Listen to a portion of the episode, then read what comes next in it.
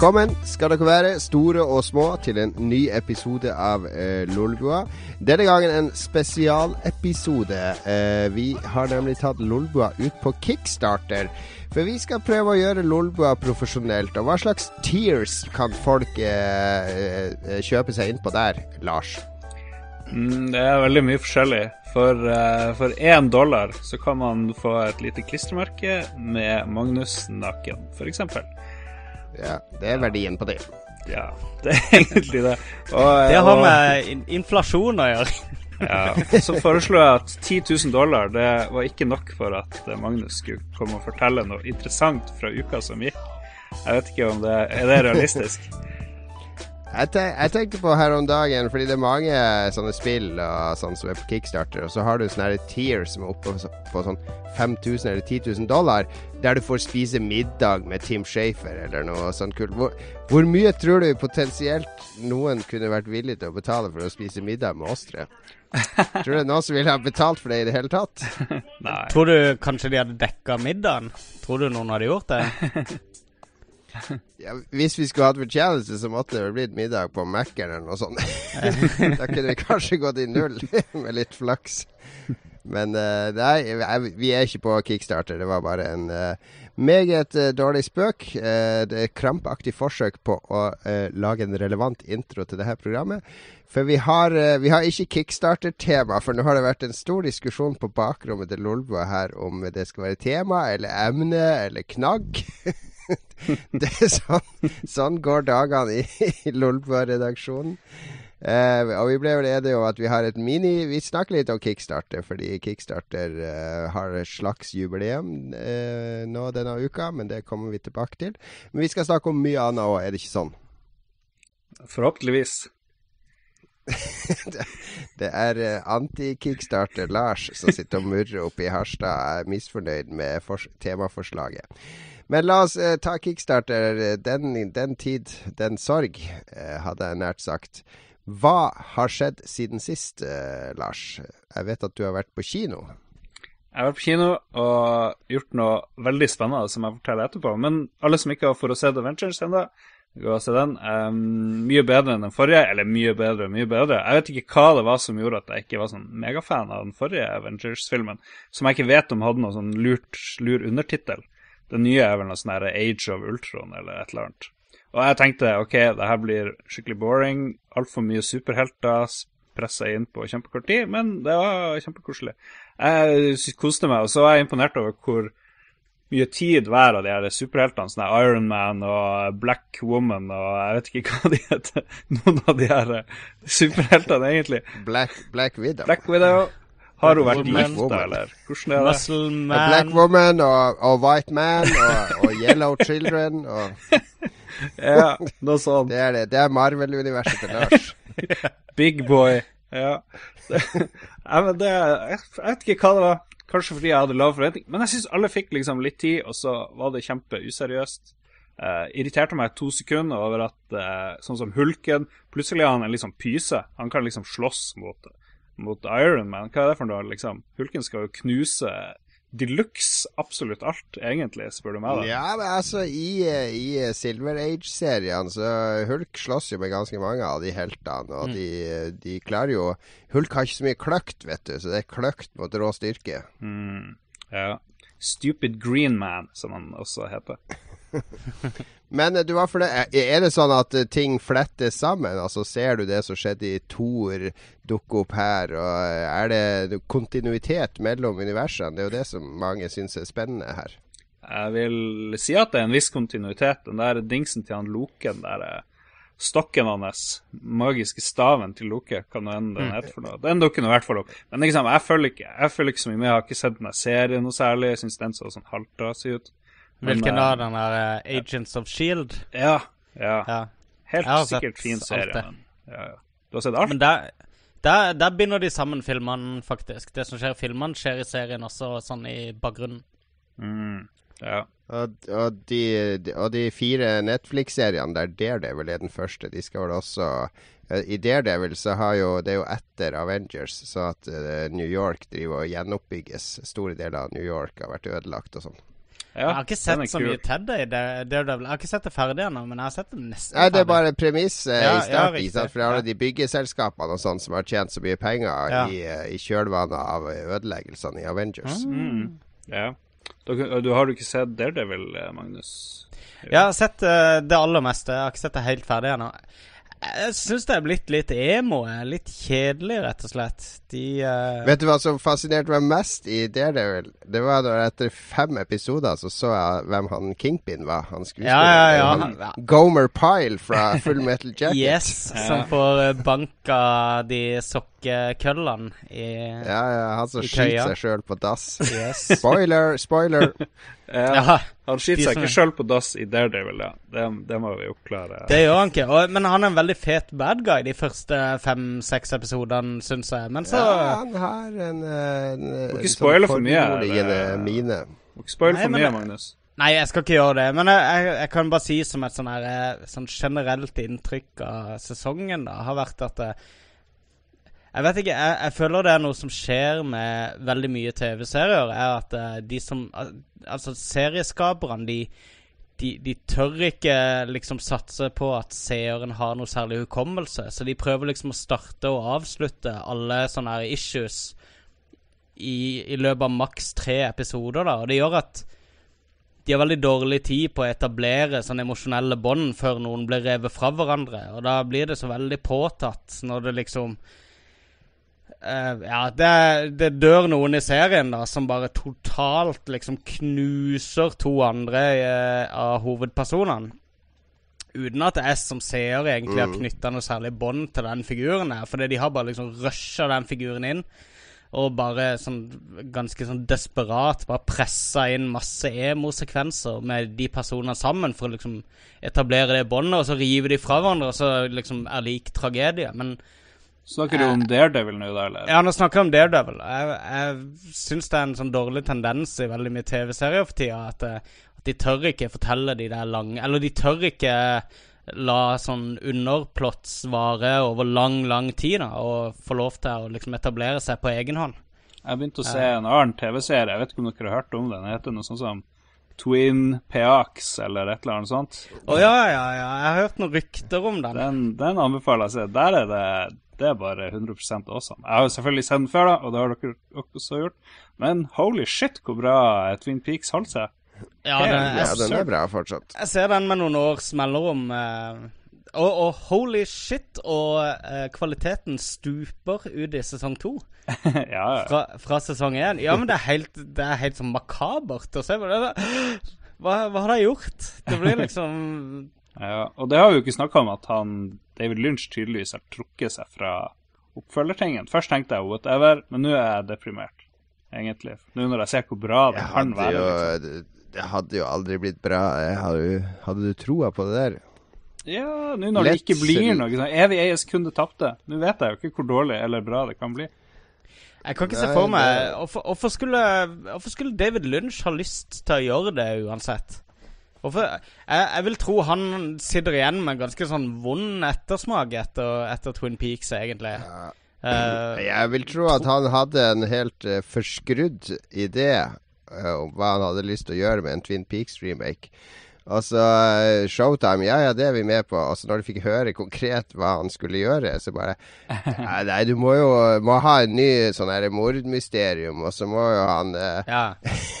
De vil ha en reprise av handlinga, ikke sant? Mens han vil lage noe sånn så totalt far out, så bare bruke de samme figurene og uh, i en annen setting. Så jeg tenker det er det som har skjedd, hvis jeg skal spekulere fritt. Det han har sagt, er jo Eller det som har blitt sagt, er jo at han har krevd helt insane mye penger for å, eh, for å realisere det.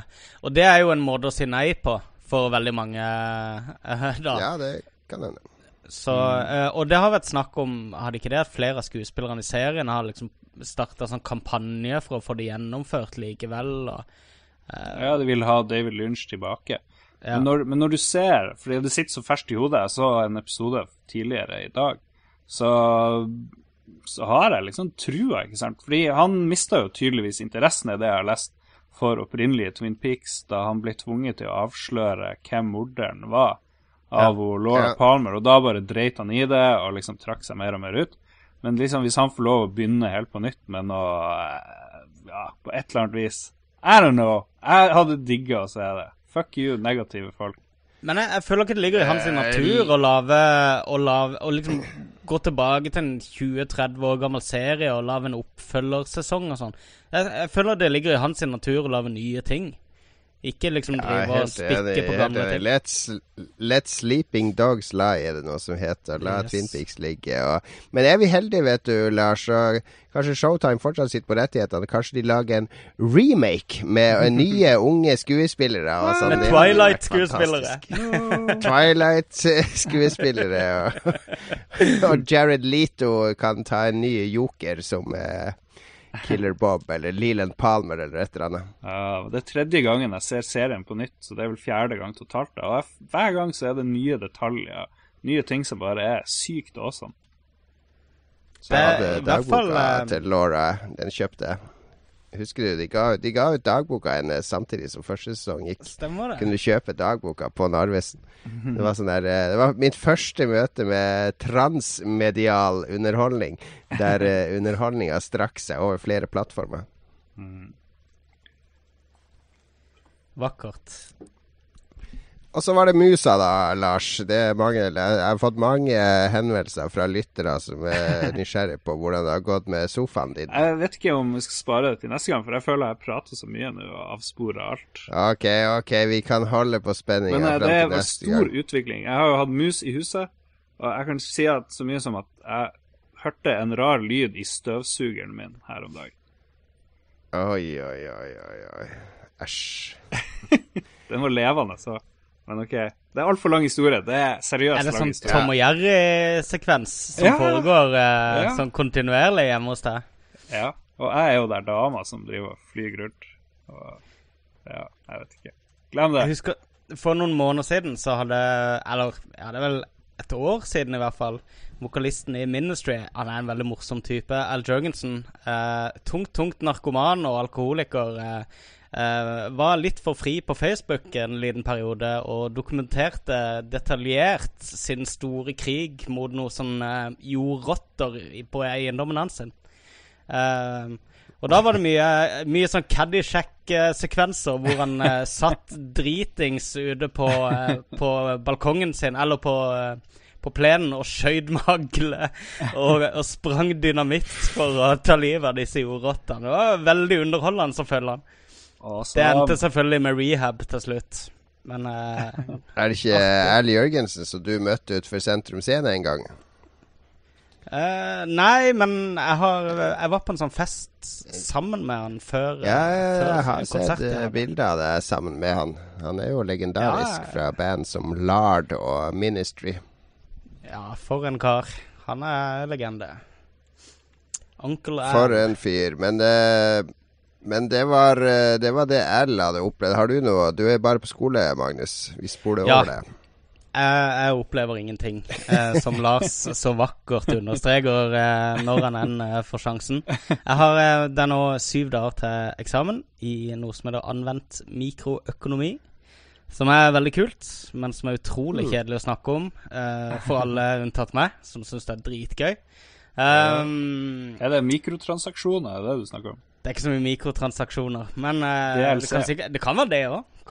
Men det er litt sånn som Freakonomics, da. Den boka som jeg også uh, driver og koser meg med, og podkasten som jeg også koser meg litt med. Så det er litt gøy. Og for en gangs skyld uh, sitte og hardpugge noe man er ordentlig interessert i.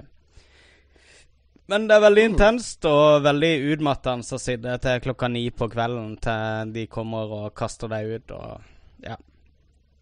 Det er en rar eh, situasjon å, eh, å være så sliten i hjernen hver kveld. Jeg er ikke vant til det. Jon Cato har eh, bare tatt på seg steinansiktet sitt og Oi, bestemt seg for å En stoisk Jon Cato som har eh, Jeg holdt, jeg holdt bare kjeft og tenkte at nå skulle Jon Cato eh, liksom Ja. eh, gå inn i Få lov å ta ansvar for programlederrollen. Og Skulle kjøre Jon det Cato videre. begynne å Ja, men fortelle om Jeg eh, falt, uh, falt ut der. Ja, så du sona litt ut. Jeg, hele, jeg hørte ikke noe av det du sa etter Ja, mikrotransaksjoner. Men jeg skrev opp tidspunktet, så det går bra. Gøy å studere, eh, punktum. Men du kan sikkert bare redigere det vekk, Jon Cato, siden du uansett ikke Ja, hørte det. ja. Jeg setter opp pitchen, i hvert fall, så at du prater litt fortere gjennom alt det kjedelige. Yes, jeg har, eh, jeg har vært på loppemarked med korpset som vanlig. En morsom Ja. helg. Ikke så veldig mye å dele derifra heller. Jo, det var, det var en morsom eh, Det er mye rare folk som handler på loppemarked. Det er eh, ja, alt mulig. Folk som er ute etter varp, Folk som samler på gamle bøker. Folk som skal ha antikke møbler. Er Det så jo ut som åpningsdag på et sånt tysk kjøpesenter første dagen de selger PlayStation 4. det der greia. Ja, den første åpningsdagen, da er det løping. Og da var jeg så dum at det var andre åpningsdagen jeg hadde lagt ut en liten film av på vår interne gruppe. Men den første åpningsdagen da var jeg så dum at jeg var inne ved bøker, så sto jeg og snakka med de som er på bokseksjon. Og da sto jeg rett attmed vinylen akkurat når det åpna. Og så plutselig så kommer det to karer i hylende inn døra og skal bort til vinylen. Og den ene hadde tok tak i meg og bare dytta meg unna for han skulle ha den vinylkassa var hans. Det er det For der skulle de grave opp gull. Oi, oi. Så, så det, er, eh, det er paniske tilstander når det åpner. Men, men eh, det var, var én kunde da som eh, Han er der hvert eneste år og begge dager og kjøper Sånn, Du kan aldri forutse hva han kjøper. Han kjøper alt mulig som du egentlig tror det her må vi kaste, men så ender han opp med å kjøpe det, da. Eh, eh, ting som ser ut som søppel og sånn. Og Han fortalte at han kjøper alt han har i huset sitt, har han kjøpt på loppemarked, sa han. Men bortsett, fra, bortsett fra bestikk og asjetter, Ja, det kjøpte han på Ikea. Fordi han var veganer. Så han tok ikke sjansen på om bestikket hadde vært brukt på kjøtt. Nettopp. Kan ikke ha, han, en sånn han, han har tydeligvis ikke fått vaskemaskin på loppemarked. Eh, nei, det selger vi ikke. Det er sånn altfor mye eh, som kan være feil med det. Vaskemaskin. Pleier du å vaske mye kjøtt i vaskemaskinen din? eh, Ja, han kunne jo vaska bestikket sitt i oppvaskmaskinen. Ja, Det hadde jo vært oppvaskmaskin, ja. Det, Ja, det var jo hele poenget, at han kunne jo ha eh, vaska Vaska det, men det var bare en helt irrasjonell Totalt irrasjonell ja, men det er en sånn ting. eh, eh, Jeg jobba på eh, Kvartfestivalen, så jobba jeg som scenecrew i mange, mange år. Og da husker jeg alltid vi leste på Raiderne, disse her eh, listene som bandene leverte med ting de krevde backstage. Oi, kult. Og da husker jeg Beastie Boys. De, eh, de skulle ha For de var det viktig at eh, vi kjøpte inn Eller ikke vi, da, men de andre som jobba på cateringa. At de kjøpte inn egne helt nye gryter og stekepanner og sånn der.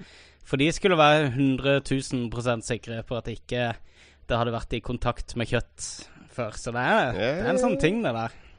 Det er sånn jo, homopatiaktig tilnærming til matlaging.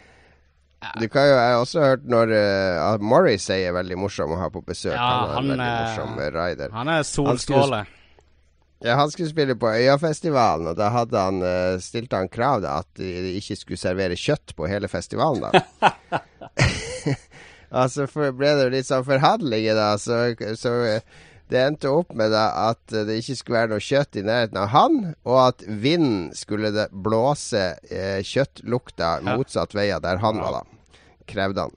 Og så, men det er jo derfor det er så kult med raidere, hvor du ser sånne syke, syke ting.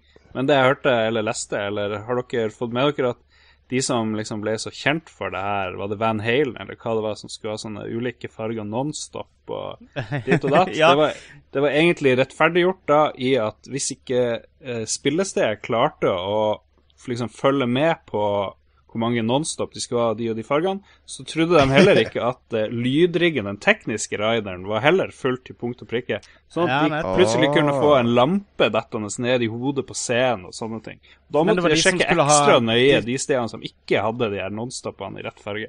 Ja, for de skulle ha eh, nonstopene sortert etter farve, var det ikke sånn? De skulle ha én en bolle med hver farve og noe sånt.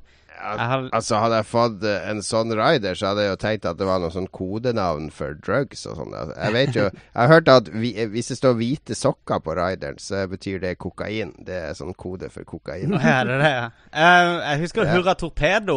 de spilte også på Kvarten. Og de skulle ha ei kasse øl og to flakslodd. Det syns jeg Ja, var kult. Egil, Egil Hegerberg har jo de beste riderne. Også Ja. da Black Debatt spiller, det, det har de på rideren at de skal ha lunka lapskaus servert i en kald gymsal av en gammel punker. og det har de fått, da. Ja, ja. Det er nok av de som jobber på festival. Så det, det tror jeg går ganske greit. Let's get scratching.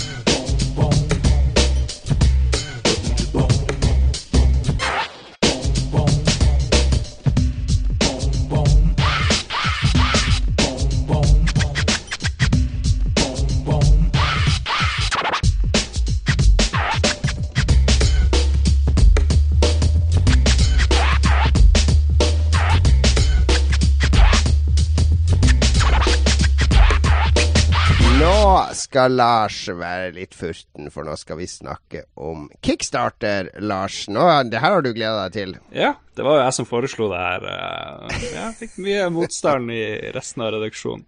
Men kickstarter, hvor skal man begynne, egentlig? Det er jo et utømmelig man tema. Jeg kan, eh, jeg kan sette en ramme rundt det. Fordi denne uka, eh, i går faktisk, eller i dag nå når vi spiller inn i dag, så lanserte endelig uh, Double Fine episode to av Broken Age. Så da er Broken Age ferdig. Og som eh, vi alle vet, Broken Age var liksom dataspillet som eh, breaka Kickstarter. Altså, Før det så var Kickstarter en liten kuriositet, og så kom eh, Det var jo spill som ble sponsa gjennom Kickstarter før det òg, men så kom eh, Double Fine og Tim Shafer og ba om jeg tror det var 400 000 dollar for å lage et litt sånn old school pek og klikk-spill. Og så endte de opp med å få flere millioner dollar, da. Og i månedene etter uh, Broken Age-suksessen så kom jo den ene etter den andre av nye og gamle utviklere og kasta seg på. Altså Peter Molyneux kom på. uh, Elite Dangerous. Med, med, med David Rabben osv. Så, videre. så Så det ble en sånn kickstarter-flom. Flom av kickstarter-spill etter uh, Broken Age, fordi de hadde vist at her var det penger å hente.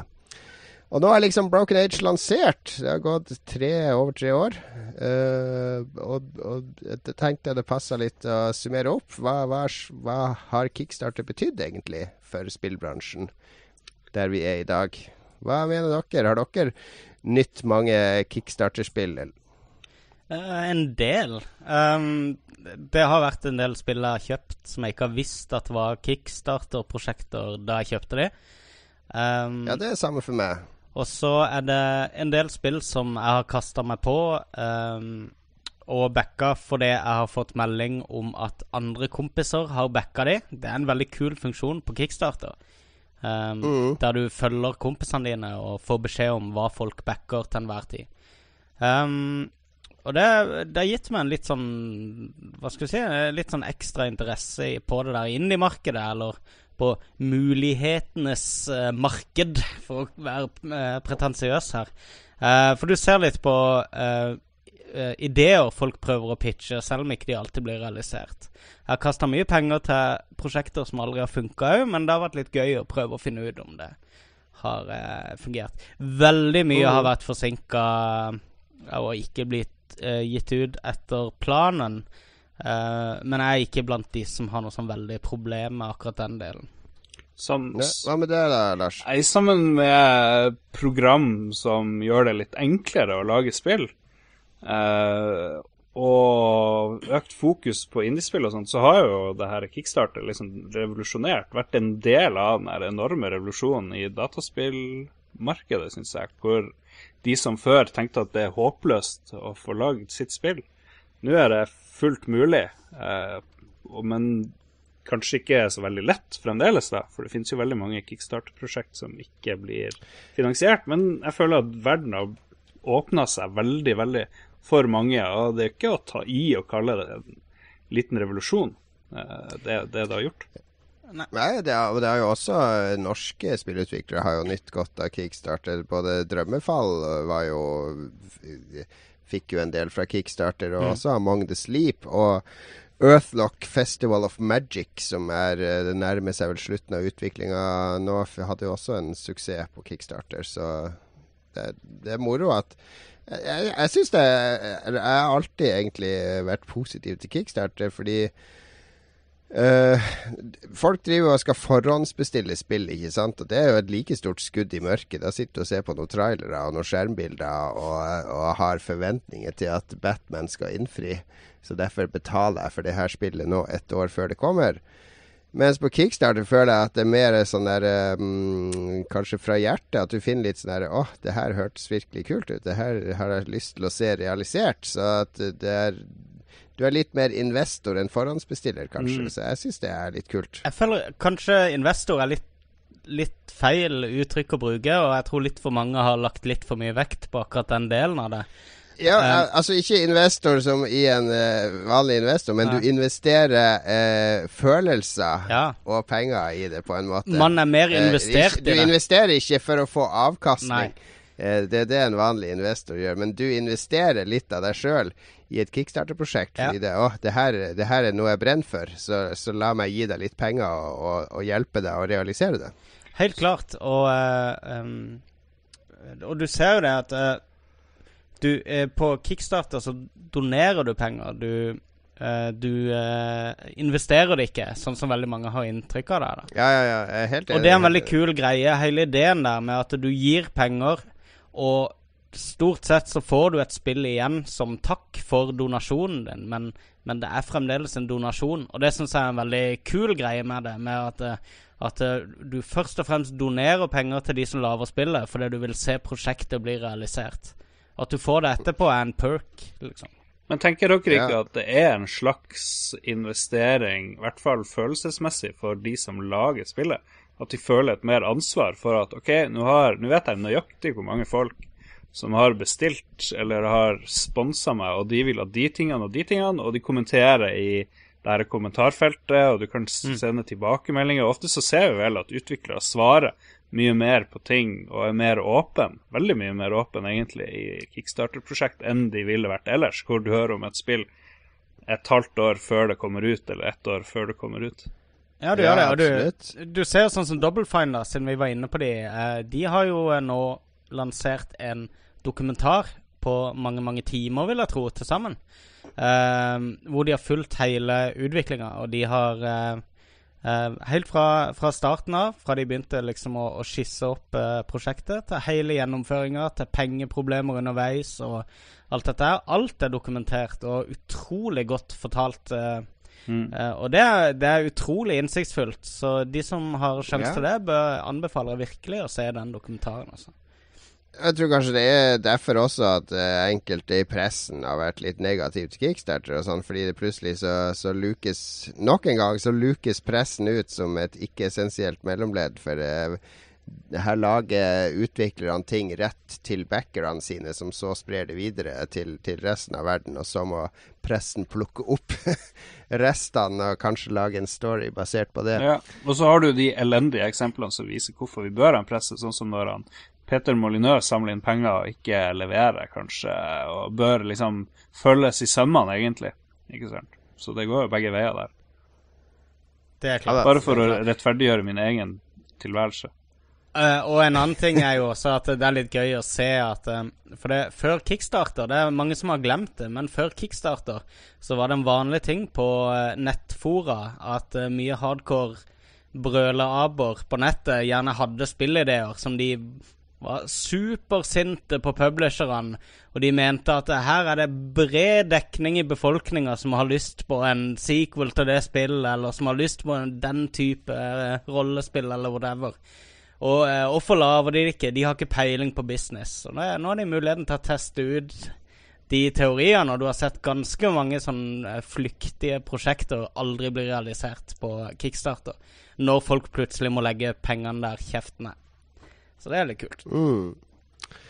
Har ehm, Jeg må innrømme at jeg, jeg, backa et par sånne eh, spill i starten for å Bare for å se hva det innebar. Mm. Uh, Broken Age og Oya husker jeg var med å backe. og Den fikk jeg jo i posten. Da har jeg fortsatt ikke kobla opp. Eh, Hva? Har du ikke noe Um, Android-spill du eh, vil spille på TV-en?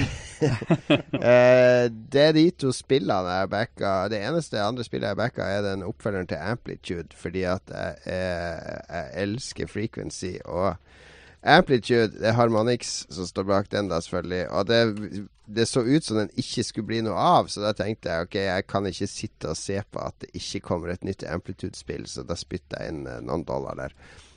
Men ellers så har jeg egentlig bare backa Jeg backa ganske mange brettspill og kortspill og uh, bøker. Eh, en fantastisk bok om Sensible Software skrevet av Gary Penn, som er backa.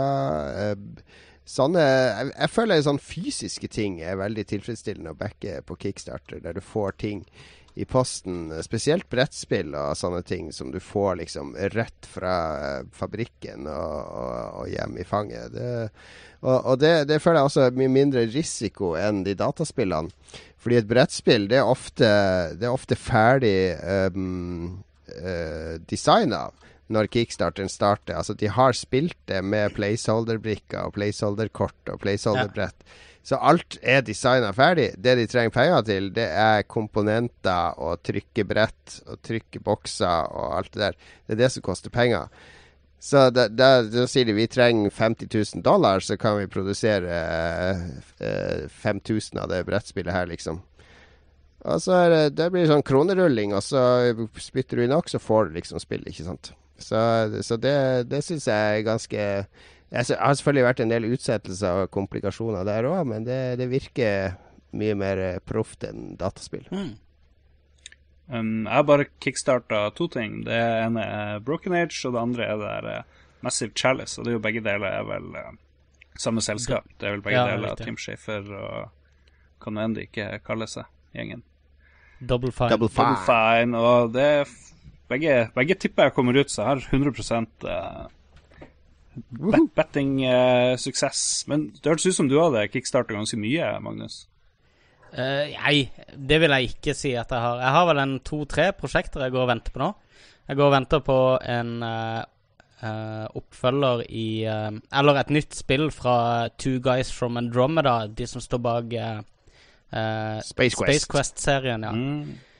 Og det angrer jeg litt på, fordi de spammer meg med helt meningsløse mailer annenhver dag. Og de er vel tre år forsinka nå med Eller er i hvert fall to år forsinka med spillet sitt. Um, så venter jeg på noe som heter This Is The Police, som er et uh, Et spill hvor du skal uh, uh, altså være en bad guy eh, eh, politimann som er altså en skitten politimann og skal drive med forskjellige Uh, Det er et sånn taktisk, strategiaktig spill, så vidt jeg har skjønt. Jeg har ikke satt meg så veldig inn i det, det var bare en kul trailer. Mm. Og så har jeg et annet Et sånn skogvokterspill som jeg prøvde å finne navnet på det nå. Jeg husker ikke hva det var for noe, men som ser dritbra ut. Firewatch, den der. eh, Ja, det er det vel. Som Ja, er fra det er Olli Moss. Olli Yes. Moss lager grafikk der. Olli Moss designer det, ja. Og Det det, ser jo ser, så ut, fett ut, ja. Jeg kom på jeg har en tredje ting òg. Det er jo den der Thimbleweed Park til han Ron Gil Gilbert. Ja, det har jeg også backa, ja. Stemmer det. Ja. Så det tror jeg, det tror jeg også blir lagd.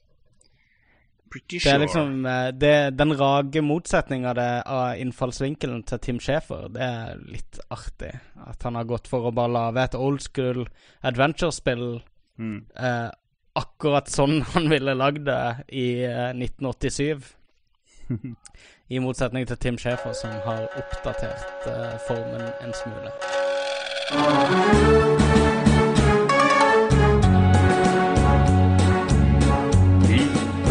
ポイント回復するなら傷薬と補力でピンチ大変仲間を助ける違えしの玉と半言語。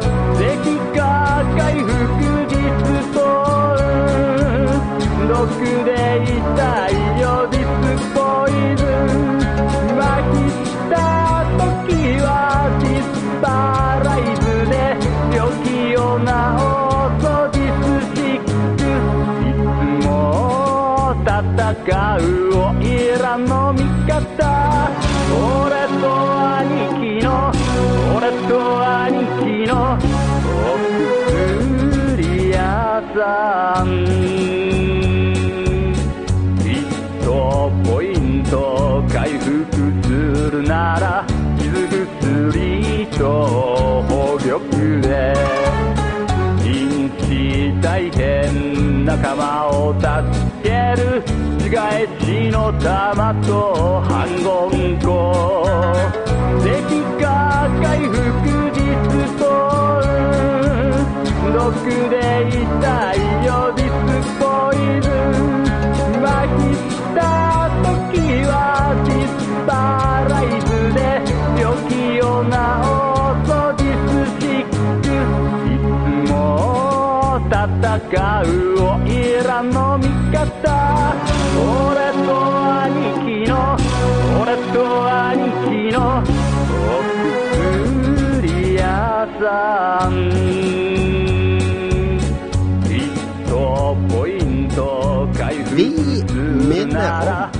vår hjemmeside lolbua.no nå produserer saker over en lav sko. Eh, Er det det det har? Er det kompliment å produsere noe over en lav sko? Betyr ikke det at du bare lager sånn venstrehåndsarbeid? Det gjør jo det, og det er jo det vi gjør òg. Ok, vi produserer det over høye, høye støvletter. Eh, ikke over lave sko, for det her er ikke venstrehåndsarbeid. Nei, vi har eh, vi- Vi vil gjerne gjøre alle våre podkastlyttere oppmerksom på at det skjer faktisk ting på lolbua.no nå hver dag. Gjør det ikke det, Lars? Oh yeah. Kanskje med unntak av søndag. Men ellers så prøver vi hver dag. Ja, for det er bare den siste uka alene så har vi anbefalt sci-fi-bøker. Vi har skrevet om et fantastisk mobilspill som heter Does Not Commute. Bare tittelen alene jo, gjør jo at det må sjekkes ut. Eh, vi har hatt saker om Hva er det du har skrevet om, Lars? Skrevet om eh, en liten artikkel om et nytt norsk spill som dukket opp. Skrev i forrige uke. Orbit. Um, hva mer skrev jeg om i forrige uke? Jeg skrev om et Twine-spill basert på eh, Android Netrunner, som faktisk er veldig kult. Selv om du overhodet ikke er interessert i Netrunner, så er det kult sånn Hmm. uh, eh, Ja, sånn hacker, cyberpunk-aktig uh, eventyrspill. Så det er masse interessant lesestoff og ting på lolbua.no, i tillegg til vår podkast. Så sjekk for all del ut det. Og for de som vil ha mer prat om Kickstarter, så kommer det litt senere i podkasten, når vi får lytterspørsmål. Nå derimot skal det være kamp. Det skal være nyhetskamp, og det her er enda en spalte som eh, Lars leder. Nei, nei det, her er, det her må være Magnus. Magnus er nyhetskongen. Er det Magnus sin spalte? Ja. Er det meg som, eh, Magnus som er jo leder vår Du er jo vår nyhetshai, vårt eh, Fox Anchor. Du er eh, vår eh, Bill O'Reilly. Nå, eh, nå Konservativ si, eh, sørlending. Nå flyter rosen her. Ja, jeg er sikker på vi har lyttere som, et, som anser det som et kompliment å bli kalt for Bill O'Reilly. det er helt sikkert kanskje en som gjør det. Kanskje, kanskje en. eh, nyhetskampen, du har vært med på det før. Jeg tror den debuterte i en episode jeg ikke. Yes, det hadde vi eh, sammen med våre venner i Texas som jobber på Owlboy Dpad Studio. Mega. Da bare overlater jeg roret i stødige hender. Vær så god, Magnus. Det vi altså skal gjøre nå, er at jeg leser opp to relaterte nyheter, eller det vil si relativt like nyheter, og vi skal bestemme hvilken som går seirende ut av duellen.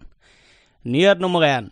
Konami dumper Kojima, kutter Silent Hills og trekker PT. Versus Godus medskaper Jack Attridge forlater 22 Cans. Det var, det var ganske svak veiing av de to, kanskje. Jeg vil si veiinga er ganske svak der.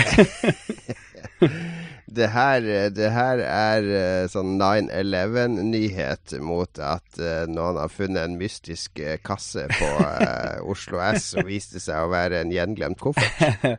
Men, eh, men de har nå i hvert fall noe med hverandre å gjøre. Litt. De har jo det. Vi snakker jo om eh, skapere som har eh, forsvunnet fra studioer.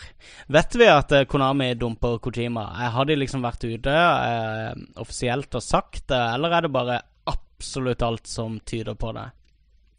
Det er jo en hel masse drama, og det er jo ikke noen sånne veldig klare svar. Men de har sagt nå at de har kutta Silent Hills, og de Ja. trekker eh, den demoen fra Den er borte. PlayStation Store. Ja.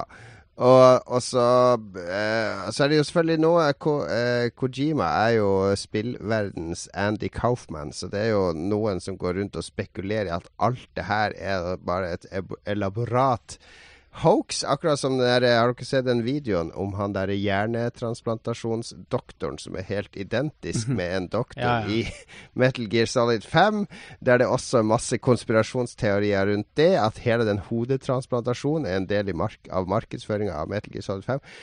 Jeg, jeg tror Vi kan jo eh, først, vi tror, kan først si at Konami er jo utgiveren av Hideo Kojima sine spill, ikke sant? Plutselig har. Konami kutta navnet hans og logo til selskapet hans fra både en sånn her eh, demo av et skummelt spill som alle gleder seg til, som heter Silent Hill- Silent Hills, og de trekker demoen av det spillet da, som skapte furore i 2014. Og, Og, eh, hvis, ja. hvis Ja, jeg vil jo tro da at de er på vei fra hverandre, for du driver jo ikke og kødder så med en sånn mega, megaloman spillutvikler som Hideo De har også Kojima. eh, vært altså- og uh, photoshoppa bort uh, Kojima-logoen fra um, Kojima Productions fra uh, Silent Hill Nei, Metal Gear Solid 5. Eh, alt relatert materiale til det har de fjerna uh, logoen hans på. Og, og det gjorde de også vel på Silent Hills før hele prosjektet forsvant. Ja, så det er jo som at du får NSA, eller liksom hele USA sin etterretningstjeneste etter deg, og de bare sletter deg fra alle registre i verden. ja, ja. På et Hva, det finnes ikke noe Kojima, hva snakker dere om? Vi Ja. har aldri hørt om Hideo hva for noe. Han har, eh, han har jobba i tar- eh, Konami siden 1986, så han er vel for en veteran i det firmaet å regne, vil jeg tro. Ja, men nå må vi huske på at de japanske spillselskapene er jo bare skygger av seg sjøl. Altså, de er jo de Namco Bandai nå, de er jo kun interessert i mobilspill og et par uh, manga-anime-spill. Uh, Sega er skygga av seg sjøl. Mm. De har nesten bare vestlige utviklere. Altså det Nintendo, Sony ja, men Nintendo er de eneste som har egne maskinvarer maskinvare og, og egne studioer som lager ting til det. Sony har jo ikke det Nei, det er lenger. de, de eier en del studioer, det er det meste i Vesten der òg, ikke sant. Så, så det er De lager mobilspill. Det er mobilspill folk spiller i Japan. Og det, alt skal være mobil, og alt skal være håndholdt. Og Sånne som Kojima, det er, det er ikke plass til de lenger i Japan. Må ja, han, han får jo jobbe videre med ting, det er det ikke noe tvil om. Men, men Konami sine aksjonærer er nok er nok veldig klar for å cashe inn på Metal Gear i form av en hel haug med Match 3 mobilspill og anna free to play-greier som genererer mye mer penger enn Metal Gear Solid 5 noen gang kommer til å gjøre. Ja, og, eh, Men eh, tror du ikke egentlig at eh, Konami er mer avhengig av han enn enn han er avhengig av Konami? Altså, de, de regnskapstallene til f.eks. Namco Bandai og sånn, det er en grunn til at de ikke lager nye Ridge Racer, og, og at de nedprioriterer de store, gamle titlene sine. Og Det er fordi at det er mye lettere og mindre risiko å tjene penger på, på møl, for å si det rett ut. Men du vet jo at Så altså, hvis uh, Sony eller Microsoft hadde hatt muligheten til å gi ut et uh, konsolleksklusivt spill med Kojima i spissen, med Kojima Productions som utvikler, så hadde de gjort det uansett hvor stort sånn tapsprosjekt det ville være. Jo, men det, hvor stort er det? Hvor stort er et Metal Gear Solid-spill sammenlignet med GTA, f.eks.? Ja. Eller Angry Birds, eller uh, andre sånne suksesser. Altså, vi som er gamere, vi elsker jo eh, Kojima fordi han er en unik stemme. Han lager helt unike spill. Men de er ikke så store, de spillene, som mange andre Jeg er jo ikke så veldig fan av Kojima i det hele tatt. Jeg syns uh, Metal Gear Solid-spillerne er dørgende kjedelige, men uh, jeg, til og med jeg anerkjenner jo at eh, de, de har en viss signaleffekt for uh, Ja, ja, ja. for en ja. Det er en massiv signaleffekt, herregud. Så det er bare både Microsoft og Sony vil nok plukke han opp, men ja, det kan vel være David Lynch-problemer med han òg. Han eh, sitter jo på Twitter hele dagen og legger ut bilden, eh, bilder av maten sin Ja. og lekene sine og CD-ene sine og bøkene sine. Så, så det må jo spørre seg sjøl når han faktisk jobber. Mm, OK, og så Men hvem er han i 22 Cans? jeg, jeg aner ikke. Jeg bare, det var det nærmeste som ligna. Det er sånn kjempegammel nyhet. også. En som heter Jack Attridge, forlater eh, Peter Molyneux sitt litt sånn skandaleselskap 22 Cans. Han var med og skapte der Godus, en sånn der gudesimulator som er vel ute på sånn Steam kanskje, og en iPad og noe greier. som Jeg vet ikke hvor mange som spiller det. Og så har de liksom vært kickstarta, og så har de ikke levert det de lovte enda. Uh, og så er det den der hele backstoryen med at det forrige spillet til eh, 22 Cans, den her eh, Curiosity, var det det heter, det spillet? Mm. Ja, ja. trykker på noen kuber, så kommer de lenger og lenger inn i kuben, og den som trykte sist og vant det, han ble da gud i der goddess. Og så bare alt, alt gått til helvete, og så, ja. Så han har stukket, og det skjønner jeg godt. Men jeg vet ikke om vi skal si så mye mer om det. Nei. Vi bryr oss ikke så veldig, tror jeg. Det var jo også litt av poenget. Her har vi en, eh, et åpenbart eh, eksempel på åssen vektinga eh, Åssen vi etterpå kan konkludere med at eh, det var nok Konami-nyheten som stakk unna med seieren i den duellen. Og jeg har på meg min eksklusive Konami-fotballskjorte i dag, som jeg eh, fikk på eh, Sardinia i sin tid, når jeg spilte fotball mot selveste Seabass, mannen bak Pro Evolution-serien. Ikke dårlig. Gode gamle dager da Konami hadde penger og sendte folk til Bahrain og Dubai og jeg vet ikke. Jesus, hvor mye penger de hadde! Det var de som sendte meg til Dubai òg, ja. Ja, ja. Tre dager på seksstjerners hotell i Dubai, og ørkensafari og magedansere og det, det var saker. Good old days. For å promotere spillet Racing Enthusiast. Oh, det ble jo en legendarisk racer som alle snakker om den dag i dag. Ja. La oss blande Dance Dance Revolution med Ridge Racer. Sa utviklerne. Og så var Racing Enthusia et faktum.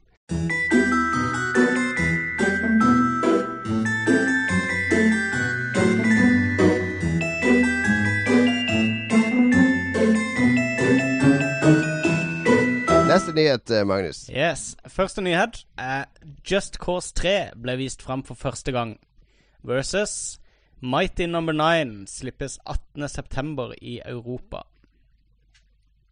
ja. Just Cause 3-traileren kom vel i dag, omtrent. Uh, ser veldig gøy ut. Sånn her uh, Du springer rundt i store landskap og kan hoppe ut av fly, og du kan gjøre hva du vil. Ta og skyte og kjøre biler. Det er liksom GTA, bare midt i eh, jungelen. En sånn her uh, Far Cry-aktig verden. Riktig. Riktig. Det er litt mer leken den Far Ja. Cry, er det ikke det? Ja, veldig mye tull. Jeg husker jeg fløy til et E3 en gang eh, med han produsenten, en eller annen Wow. svenske. Fløy du til E3? Jeg bruker å ta båt og tog. Ja, men da var det jo mye tid å snakke med han der svensken. Og han drev, Ja. og da var Far Cry 2 ute for lenge siden, og de lagde en sånn twin stick eh, coop-shooter som jeg Just glemte. Cause 2, mener du? Du sa Far Cry. Ja, unnskyld. Ja. Unnskyld, unnskyld. Ja. Eh, men det var, det var morsomt å høre han prate om liksom, deres eh, måte å lage ting på. Det er liksom De bare leker seg frem til eh, til det de styrer på med. Den der twin stick-shooteren som jeg ikke husker navnet på, som samme selskap lagde. Det var bare, De dro bare kameraet kjempehøyt opp i Just Cause 2, og så begynte de å kjøre rundt. Det var liksom sånn de fant på at de skulle lage det spillet. Ja, det er en bra, jeg tror det er et bra sted å jobbe. Jeg kjenner så vidt han eh, Thomas Wiborg som, eh, som jobber der. Han er jo spilljournalistveteran i, i Sverige, så jeg tror det er et eh, kult sted. Og de jobber jo også med Madmax-spillet. Men jeg må innrømme, for meg personlig, jeg har aldri helt eh, klikka med de Just Cause-spillene. Jeg syns det blir um De mangler personlighet, syns jeg. Altså, de, de er veldig fin grafikk, fine verdener, men det, jeg, klarer, jeg, jeg klarer ikke helt å engasjere meg, selv om jeg kan taue en buss etter et fly og, og, og slippe den ned i noe sprengstoff og lage den kje- kjedereaksjonen. Så, så jeg, blir bare, jeg kjeder meg ganske fort i de spillene, selv om det er lekent og åpent.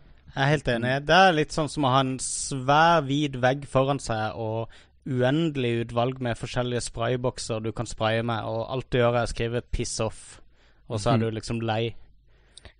Det kan være det at det er for sandkasse, rett og slett. Fordi GTA er også en sandkasse, men der føler jeg at, at jeg leker meg i en simulasjon av vår egen verden. Sånn at handlingene mine har litt mer konsekvenser, kanskje. Men det var en litt sånn fin Freudian slip, syns jeg, å nevne Far Cry. For det uh, Far Cry er for meg også akkurat litt for mye sandkasse. Uh, til at jeg gidder å bruke så mange timer som de fleste andre gjør på det spillet der. Men de er ganske like, de to spillene. Og da, det er vel kanskje Går vel kanskje an å si at det som Saints Row er for GTA, er Just Cause for Far Cry? Eller er det ta for langt? Jeg har bare spilt så vidt Ja, jeg har bare spilt så vidt de her Just Cause-spillene, så ja. Men jeg, jeg likte traileren. Syns det så veldig kult ut. Ja, jeg har ikke sett den ennå, men uh, kanskje, um, kanskje jeg skal se Nei, du på den ser jo ikke traileren. Du vil jo ikke få det spoila, Jon, for da danner du et bilde i hodet ditt om hva det skal være. Nei, jeg er ikke så streng, men det her er vel Det er sikkert sånn teaser-trailer òg, altså. Du får vel bare se fjås og tull. Ja. Men den andre nyheten, da, la oss nå ikke glemme den. Mighty nummer 9 Yes. kommer 18.9. Det er kul nyhet. Er det. Kickstarter-spill, det, eller er det bare Det er også kickstarter. Det er kickstarter. Han stakkars eh, Megaman-bakmann, han Inafume, er det ikke det han heter? Kenji Inafume. Hvis jeg husker rett. Mhm. Arrester er meg gjerne. Ja, noe sånt. Uh, han uh, Capcom, som, som Konami og alle andre i Japan Nei, det her, vi vil ikke lage det. Det tjener ikke nok penger. Det er mer penger i mobilspill. Så han måtte jo slutte å gå til kickstarter og lage For å få laga mer Megaman. Så jeg gleder meg Eller ikke bare gleder meg. Jeg er litt skeptisk òg, fordi det har litt sånn moderne grafikk og sånn. En del av sjarmen med Megaman er at det ser ut som Megaman, altså de 8-bits-spillene. Men, eh, men eh, jeg er spent, spent på spillet, det er jeg. Hvis det er like vanskelig som Megaman og Shovel Knight og sånt, så blir jeg å spille nøyaktig to timer før jeg gir opp. Nå har jo du vært og trent deg opp med Bloodborne og skjønt at det vanskelige er ikke nødvendigvis negativt, eh, Ja, men Bloodborne er noe annet, syns nå jeg, da. Men kanskje jeg får en sånn åpenbaring. Men yeah, jeg ser ikke den sammenligninga. Men ja, ja. Det er drit litt i Mighty Number Nine. Håper det er kjempebra. Håper jeg elsker det. Jeg er enig. Den. Jeg syns heller ikke det er Det er ikke noe uh, stortromme for min del, i hvert fall for eh, min All right, all right. Vi skal i hvert fall kåre vinnernyheten her, da. Og i og med at det er kickstarter-sending, så er det jo helt naturlig å kåre Mighty nummer. Men- Jeg kårer den til den kule nyheten. Ah, Men- Just Cause 3. Ja, ja, ja. Vi får se masse fra det på E3. Skal vi få masa på, om Just Cause 3 i et år fremover? For de slipper vel ikke det for det neste Men det er en annonsering av et spill versus annonsering av en eh, lanseringsdato til et spill som har vært utsatt. Nei, det er annonsering av et spill som alle visste kom til å komme en eller annen gang i fremtiden. Til et spill som alle faktisk visste. Til et spill som, eh, som rir på en legacy uh, som ekstremt mange holder veldig Ja, men nå, er det, det, det er likheter her. Det er et spill som alle ante at kom til å komme, versus et spill som opprinnelig alle ble fortalt at skulle komme på en dato, men som ikke gjorde det. Men som nå kommer kommer på en ny gutta, dato. Gutta, gutta, Herregud, gutta. Marius, det her, det her er ikke noe audition til Nytt på Nytt. Jeg føler at jeg blir dommer her. Jeg føler at jeg blir dommeren her. Og Ok, nei, det er Magnus som er dommer Magnus, her. Magnus, du som Er dommeren? Ja, men Yes. Magnus, du som hører på eh, Comedy Bang Bang, du må jo eh, du må ta mer streng kontroll på det her og åpne gulvet for debatt og stenge er gulvet sant, for debatt er og sant, åpne for er avstemning sant. og sånt. Det er helt riktig. Jeg glemmer at jeg, at jeg der fyrer i, i denne spalta her. Det er helt klart en jernneve som skal bli eh, brukt mye mer når vi nå går i gang med neste eh, duell. Eller skal, skal vi bare kåre Just Cause 3-nyheten som den, eh, den største? Ja. Da gjør vi det. Mighty nummer nine. OK.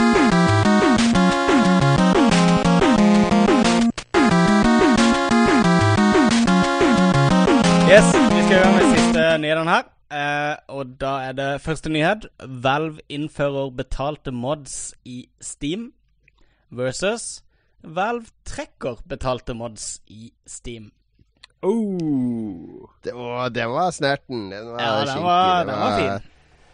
Jeg, skrev jo en kommentar eh, for, en, eh, for Aftenposten om eh, alt raseriet mot de betalte modsen. Så, men de, de, ja, den skulle de bruke litt seinere i uka, så da måtte jeg jo skrive hele om i dag. Etter å ha skrevet den på mandag. Um, ja, den debatten Jeg har, jeg har fulgt den uh, typisk gjennom å lese på nettet i senga på mobilen når jeg har våkna. Så har jeg typisk vært innom og lest Facebook-overskriftene og noen av, av, av kanskje Kotaku og PC Gamer-dekningene av det. Jeg har ikke vært så veldig eh, dyptgående der. Men det virker som det finnes en leir som har vært super-raga på bare konseptet med å innføre betaling for mods whatsoever. Og så er det noen som har vært sinte på fordelingsnøkkelen, eller måten det i hvert fall er. Tilfelle Eh, vi har tilfelle mora til Jon Cato hører på, så skal vi forklare med to Mods hva er jo, mods er. jo eh, folk som eh, kjøper PC-spill, og så blir de sittende etterpå og modifisere de, og eh, lager eh, veldig ofte helt egne sånn småspill.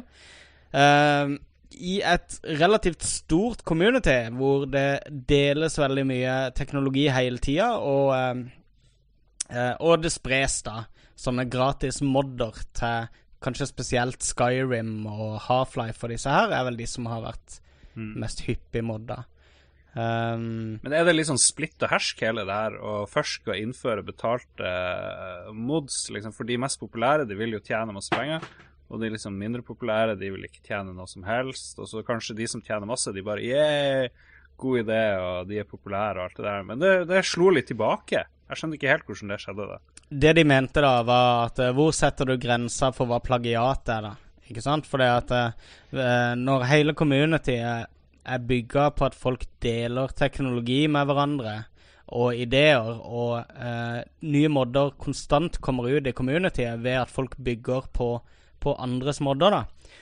Men ikke sant, da kommer du til et punkt hvor en lager en kul mod, og så lager en en svakt oppdatert versjon av den modden, og så selger de den.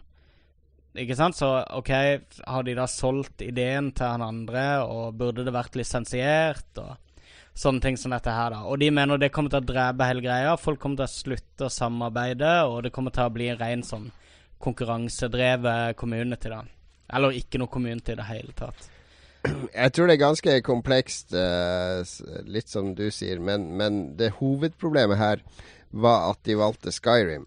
Fordi Ja. hele mod-community på Skyrim er, er brukerskapt. Altså det er brukere som har stått bak alle modene. Det er entusiasme, det er kjærlighet for spillet, det er kjærlighet for å eksperimentere, som har bygd det gigantiske commu- modde-communityet rundt eh, Skyrim. da. Og så når da Valve og Bethesda kommer inn og sier nå skal vi kommersialisere det som dere har skapt, det er det som tråkker mange på tærne. Jeg tror hvis de hadde gjort det med et annet spill, eh, så tror jeg ikke reaksjonen hadde blitt så sterk. Men nå var, nå var det tusenvis av folk som har brukt så mye tid og engasjement og, og gjort det her til sin greie, som føler at det blir tatt fra dem. Uh, det tror jeg var det største Ja, men det gjør det ikke. Det er, Altså, det er, jo- det er jo ikke sånn at Betesta selger modden din. Det er jo sånn at du får muligheten til å selge den for penger hvis du vil. Nei, men det er fordi de åpner en dør, ikke sant. Så la oss si OK, det er mye penger i det her. Da kommer plutselig sånne eh, haier inn på markedet, ikke sant. Sånn som de gjør på AppStore og Android Store og sier se her, det er masse folk som bruker den måten her. La oss lage den litt mer proff, litt finere, litt enklere å bruke. Og så tar vi alle brukerne fra han som lager gratismåten, får de over på vår kjøpte og betalte måte. kommer selskapene inn og tar over, ikke sant. Det er det mange frykter, tror jeg. Og så har du det her med at ting bygger på hverandre, så at du, mange mods er avhengig av andre mods. Og det, det, Ja. det var rett og slett et puslespill av dimensjoner, et vepsebol som de stakk hånda inn i. Men i utgangspunktet syns jeg det er kult at folk kan lage ting og tjene penger på det. Altså, det har blitt gjort før på Xbox, f.eks. Forsa Motorsport 2, husker jeg. Da kunne du selge lage decals og selge for egne penger innført til Microsoft. Jeg tror ikke det var en kjeft som kjøpte Decol for ekte penger. Men konseptet er helt greit. da Hvis folk har lyst til å betale for det, så la de betale for det. Men da må det være eh, etablert når spillet lanseres. Jeg tror når neste Elders Rolls kommer, så tror jeg hele den workshop-pakken Det vil følge med en sånn moddepakke Mm. der, der betalinga og sånn ligger inne fra starten av. Fordi Valve har ikke gitt opp det her, selv om de har OK, vi tar det bort fra Skyrim. Jeg tror bare de ser Skyrim var feil sted å starte. La oss gjøre det på, på noe annet som der modding ikke er så etablert, men der moddere kan få lov til å prøve Det er jo en genial idé, er det ikke det? Jeg syns det der er konge, det. Selvfølgelig Det er jo det, skal det- de gjøre det sånn her, liksom. Det er en veldig bra ting og når ting er community-styrt og alle gjør det gratis og sånne ting. Men idet i det penger kommer inn, så, så vil du, som du sier, Jon, du vil få inn en del haier og sånn. Men du, du har også flinke folk som får muligheten til å eh, Altså flinke folk som ikke bruker tida si på det fordi de kan tjene penger på å gjøre noe annet. På å bruke tida på noe annet. Ja, ja da, men, men du har noen av de flinkeste som lager moder, ikke Ja. sant? De lever av det, fordi de har Patrions, og de har eh, Liker du moden min, doner. Ja, ja. Altså, hvis det er 200 000 som laster ned moden din, så kanskje 1% av de, 2000, har gitt de eh, 20 dollar hver. ikke sant? Det blir mye penger ut av det. Og så kommer de her ja, nå, skal, nå kan du betale for moden min, men da kommer Betesta til å ta 75% av det du betaler, mens jeg får 25 Det Ja, Det er ingen som vet hvordan de 75 blir fordelt. Men det var jo noe går til Valve, og noe går til Betesta, ikke sant? Ja. Eh, men, men ideen da på at eh, du skal kunne det, Ideen da eh, Jeg leste uttalelsen i det de la den ned, og da sa de at det de prøvde å gjøre, var å gjøre det mulig å leve av det, og, og bruke mer av tida si på å lage modder, og forhåpentligvis Klart. tiltrekke seg mer talent som velger å bruke tida si andre steder, fordi det ikke er noe økonomiske insentiver der, liksom. Jeg skifta plutselig mening. Jeg syns jo det er mye kulere at folk gjør det gratis. på et Selvfølgelig er det mye Ja. kulere. Det er mye kulere. Eh, men det kan være bra også å få inn det der pengeelementet. Og det, det trenger ikke eliminere gratiselementet. Du vil Fuck alltid ha en Fuck the police, sier jeg bare. Ja, men du, du Altså, har jo hvis vi skal lage hvis, Hæ? Ja, hvis vi skal lage et eh, greit bilde på det her nå Det her er som om, om Lolba, Om vi skulle begynne med hjemmebrygging av øl. Altså Klarer vi å lage en ganske kul øl, og så gir vi den til noen venner og sånn, og vi har det gøy og vi fester, så kommer det noen ja, Kan ikke jeg få kjøpe litt øl hos dere? Jo, jo, du kan kjøpe. Så tjener vi bitte litt penger på å brygge den ølen vår og lage den. Så plutselig kommer Vinmonopolet og sier ja, nei, nå eh, kan dere selge øl, men dere skal selge den hjemme hos oss. Det skal koste 50 kroner, og dere får 10 kroner hver flaske. Det er, det er liksom det de modderne tror jeg har følt når, nok, de, når Valve kom og trampa Det er nok det de har følt, men det, det, eh, det i så fall har vært snakk om, er at Vinmonopolet kommer og sier eh, Du er ikke hypp på å selge de på polet. Vi gir deg 25% av salgsprisen. Så kan du fortsette å selge det Du kan fortsette å selge det svart til kompisene dine, men du får også muligheten til å distribuere det via Vin- Vinmonopolet og få 25 av det du Tror du ikke det dukker opp i den aula et eller annet sted at du ikke kan selge det utenom eh, Ja, men de selger jo ikke, de donerer jo, som du sier. Ja, ja, eller ta imot donasjoner eller Vi kan ikke eller nekte de å motta donasjoner. Det er jo et advokathelvete uten like, det her. Det er et vepsebol. Men vi, vi er vel eh, Vi er i utgangspunktet for at folk skal kunne tjene penger på modene sine, men vi er kanskje imot at uh, Valve skal ha stålkontroll på hvordan de tjener Det penger er på det. Det er første gang Gabe Newell har blitt grisedownvota på Reddit i dag. Jeg har sett mange har skrevet om det. Men det er ille å sammenligne Valve med politiet, liksom. Det Ja. Valve er mye kulere enn politiet. Jeg har Nei, alltid sett på Hvelv. Som Jeg har alltid følt at de har vært veldig sånn pengejagere. At sterke økonomiske insentiver i alt de gjør. Det er Det er de sånn- ganske Ja. det, Ja, men det mener jeg, og det er helt greit også, for så vidt. Men eh, jeg, tror ikke, jeg tror ikke de er så eh, bestevennen din som du kanskje har hatt inntrykk av. Altså, vi har en veldig hyggelig fyr vi som vi møtte fra Valve, husker du, Mm. Lars, når vi var i Ja, LA? Fra Harstad. Fra Ja, Harstad. ja, og han gjest. kom inn i Valve via modding, via å lage kart. Ja. Hele greia minner meg om da jeg drev og lagde krokodill hjemme på badet. Og så drev jeg og solgte til kompiser og venner. Jeg ga til dere og greier, og alt var bra. Og så plutselig Nei, krokodill er farlig. Og så kommer liksom The Man. Og ja. Bullshit. Så var det FTP. lokale lensmannen i Harstad som ville selge det for deg mot at du fikk Ja, jeg har svært Nå føler av krokodille, og så Nå føler jeg igjen at uh, nyhetsleder Magnus lar ting bare slippe gjennom fingrene. Nå må han ta litt kontroll her, og så må vi kåre en vinner her. Hva, hva er den største nyheten her? Det vi skal Jeg vil vite. si den mest oppsiktsvekkende nyheten er at Valve innførte penger i pengeordninga i mods-communityet, men den kanskje beste nyheten er at de fjerna det igjen. At de var Mhm. såpass storsinna. Enig med du, enig med du. Hva sier du, Large? Jeg, jeg får følge flertallet her. Men ja, den Ja, jeg vet ikke. Det at de innførte det, ikke? Det, det er jo noe helt nytt. Det kommer til å forandre alt. This changes everything.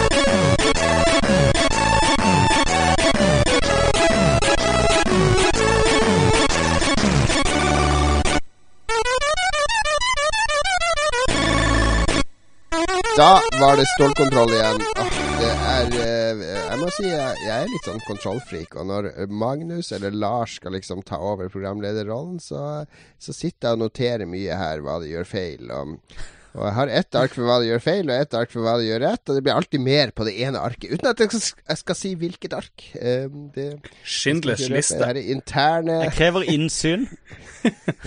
Det er Lorentzens liste. Det er kun det er HMS-avdelinga som har bedt om den.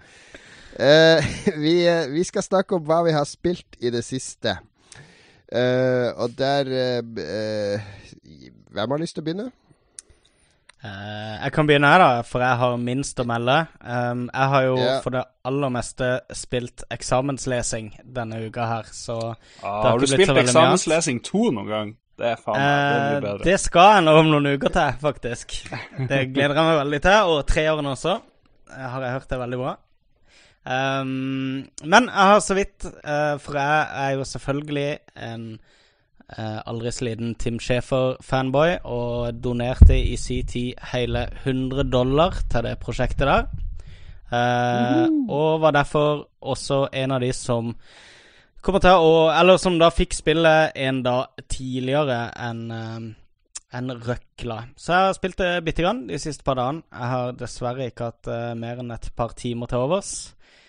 Eh, så jeg kan vel egentlig bare snakke om førsteinntrykk. Um, kan vel si at uh, det at det er en akt to, at de kaller det for akt to, er veldig passende. De snur veldig mye av hva du trodde, snur de på hodet idet episoden begynner, eller idet akt to begynner, og uh, Det hele føles uh, litt Hva skal vi si Litt eh, større. Det føles eh, mer påkosta, mer gjennomført. eh, litt vanskeligere puzzles og, og en litt sånn et, et litt høyere tempo i spillet enn en det var i eh, den første delen, som, som jo var veldig strøyk det veldig med, hånd, med hårene, da. Og uh, var mer kanskje Føltes kanskje litt mer som sånn her interaktiv historiefortelling enn en, eh, et særlig utfordrende pek-og-klikk-spill.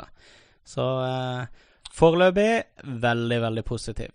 Er det noen items du savner? Jeg, jeg savna i første del av eh, Broken Age litt mer Soap on Rope, Monkey Ranch og litt sånn classic shit.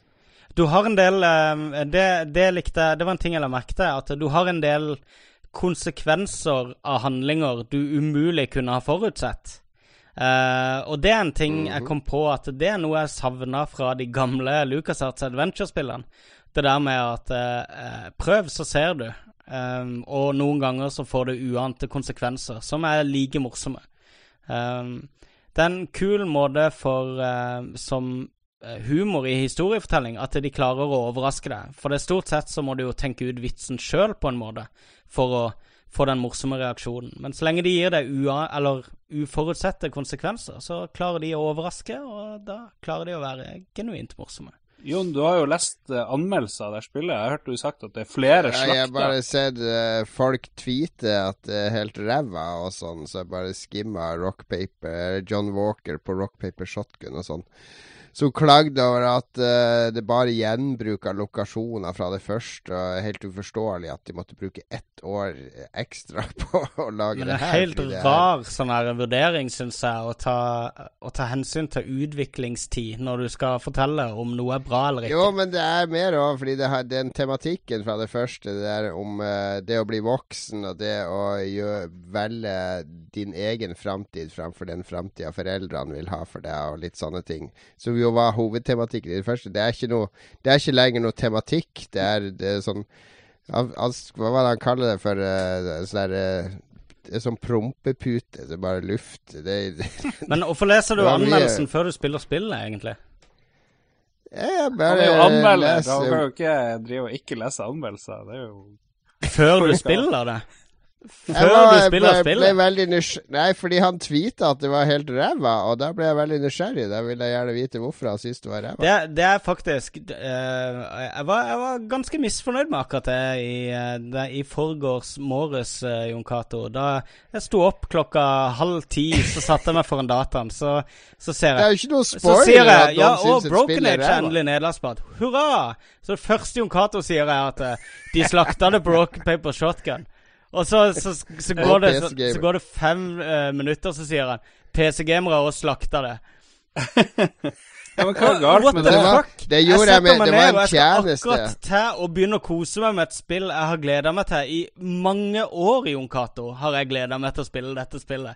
Det er sånn Jo, på vei jeg inn gjorde på en kino. tjeneste. Jeg senker På vei inn på dine. kino så forteller du at uh, veldig mye folk som har god peiling på film, har allerede rakka ned på denne filmen du skal se nå. Det er jo okay, bare vi bra. Jeg vil, ja, men er det ikke bra å Det- gå inn det- i noe med lave forventninger, liksom? Det som er problemet, Ja, er at absolutt. du blir sittende og speile alt, alt det du opplever, mot det du regner med er det de andre har kritisert spillet for. Så det blir en sånn der, Det blir en egen faktor i, i åssen du opplever Nei det. da, nei da, det blir jo ikke Jo, men det mener jeg. Du overdriver du. Altså, en gang som Lars skulle inn på kino og se filmen Ghost Dog Ikke tilgitt. med Forest Whittaker, så sendte jeg og vår venn Torbjørn han en SMS. Vi drev og snakka med han på SMS. Ja. Han var på vei inn i salen og skulle se Ghost Dog, og så sendte vi bare melding 'Han dør på Jeg, be jeg beklager til Nå spoiler du det på lufta òg, Jan. ja, Det er en 14 år Det er år 20 år gammel film, da! Det er lov å Men spoile. jeg beklager til alle som hører på, men nå må jeg ta igjen for han Jon. Han Pil og Bugutt dør i Avengers. Sånn eh, går det. Nå ødela du det for meg òg, din fucker. Nå ødela du for alle lytterne nå som ikke har sett Avengers. Eh, men uansett, jeg mener, jeg mener det, det å vite hva andre syns om noe du har lyst til å komme helt sånn Noe du har gleda deg til, og det å få sånn nedsettende eh, ideer i hodet sitt rett før du skal sette deg ned med det, det, det er forstyrrende for meg.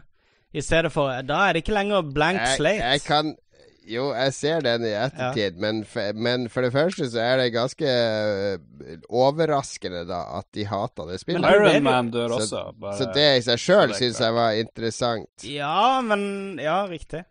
Men nå vet jo du, Eh, så det du var ikke meninga men, eh, Ja, det var ikke Men nå vet jo du hva de ikke likte med det, så nå vil du, når du sitter og spiller det Nå er det ikke opp Jo, men jeg skal jo ikke, jeg skal ikke anmelde det, så jeg har jo ingen eh, Hadde Skulle jeg anmeldt det, så hadde jeg holdt meg langt unna, men det skal jeg ikke. Black Woman dør ikke. No more heroes, it's hero, Kira McKinnon. Catch nobody but yourselves, nothing else to do. No more heroes, no time to sustain. If you're gonna be number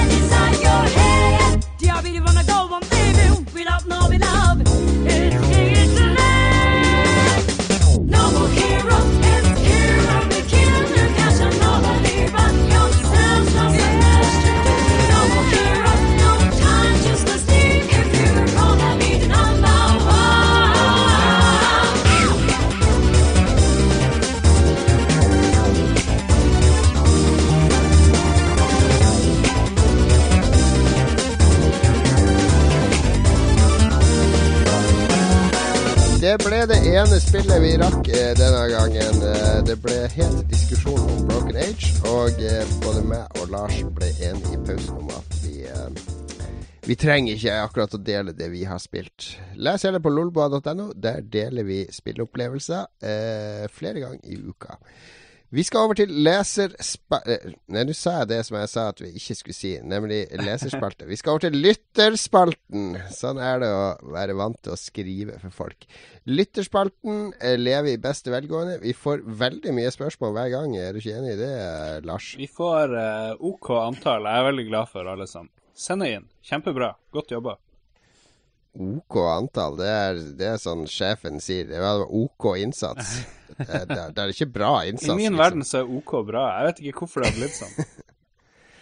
Ok, det er bra, bra med, med leserinnlegg, med andre ord. Og til å lose oss gjennom leserinnleggene har vi vår eh, salte stemmer fra nord. Han har fått i seg en del alkohol, så her kan det bli mye rot. Jeg skal passe på eh, bak kulissene her og holde, holde han godt i tømmeret, så han ikke begynner å rote med navn og innlegg og meninger og Jeg trodde trodde du skulle begynne å freestyle-rappe når du rimte nord og alkohol. Jeg var veldig klar her. Det får være i vår rap-spesialepisode. Han sitter i hvert fall veldig klar nå. Lesk strupen sin. Har tatt en sånn heslig herselig lys bak seg, så meg og Magnus bare kan se en sånn der eh, mørk skygge. Ja. Seksualforbryter. Må bare Ja, snakke så- med sånn vridd stemme nå. Da barnevernet tok barna mine. Helvete. De skal få betale. Det, ja, jeg klarer ikke mer intro enn det der, eh, Lars. Vær så god. Spalten er din. Nav spesial. Skal vi se Vi begynner med han Vandrefalk som sa 'beste tittel ever'.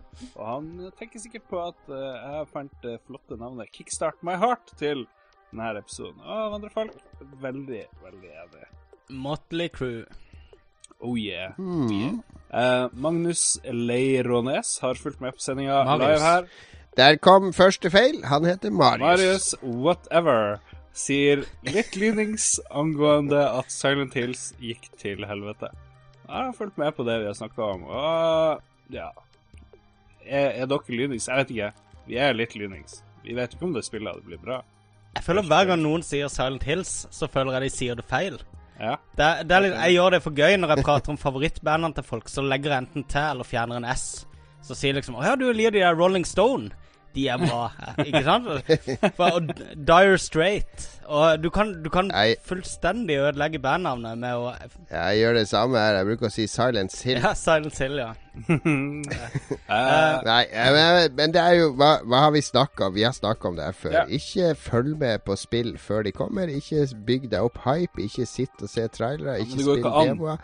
Hadde du holdt deg unna PT-demoen, så hadde du ikke vært Det som er greia, da, er at PT er en playable teaser som ikke henger Altså med unntak av liksom reklamefilmen helt til slutten, så så henger det jo ikke noe sammen med Silent Hills. Det, Ja. er, det er et e, eh, alenestående eh, grøsser Ja. eh, ja, men det var jo veldig bra. En veldig bra teaser, ikke sant? Det Ja, lover jo veldig men- bra.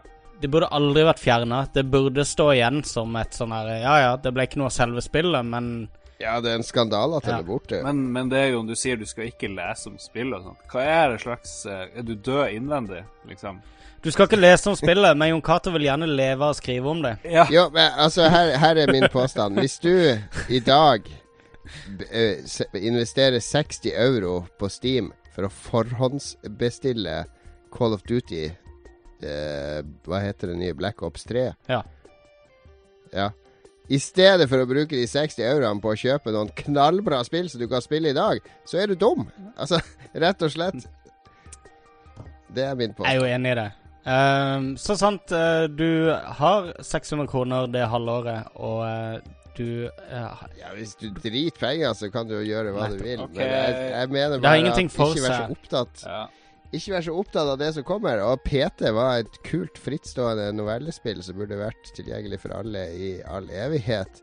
Men det nytter ikke å gråte over spilt uh, Silent Hills. Men uh, vi skal heller ikke gå Vi skal ikke Eller uspilt, uspilt Silent Hills, som det Vi faktisk skal Vi går ikke videre. glemme den der gamle følelsen når vi var små, Jon. Det var gøy å gå og glede seg til noe. Og Der Den er vi der, inne på noe viktig. ja, den magiske følelsen og du kan løpe ned i sjappa og finne det, eller laste det ned på internett, som det heter nå, klokka tolv. um, altså, men den her greia, ikke sant, og det sitrer litt. Sånn som jeg gleder meg helt frem til du på en måte pissa på uh, innpakninga for meg eh, med Broken Age. Gleder meg litt. Det var litt sånn Det var litt spesielt, for det var et spill jeg hadde sett, meg, f- sett frem til å spille. Og jeg bare tuller. Du har ikke ødelagt det for meg, Jon.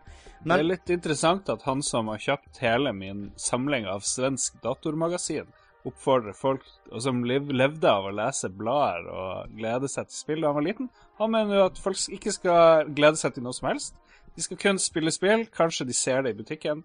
Uh, og det, that's it. Det er det du skal gjøre. Tusen takk til deg, Jon. Du får ikke si noe. Får ikke tilsvar.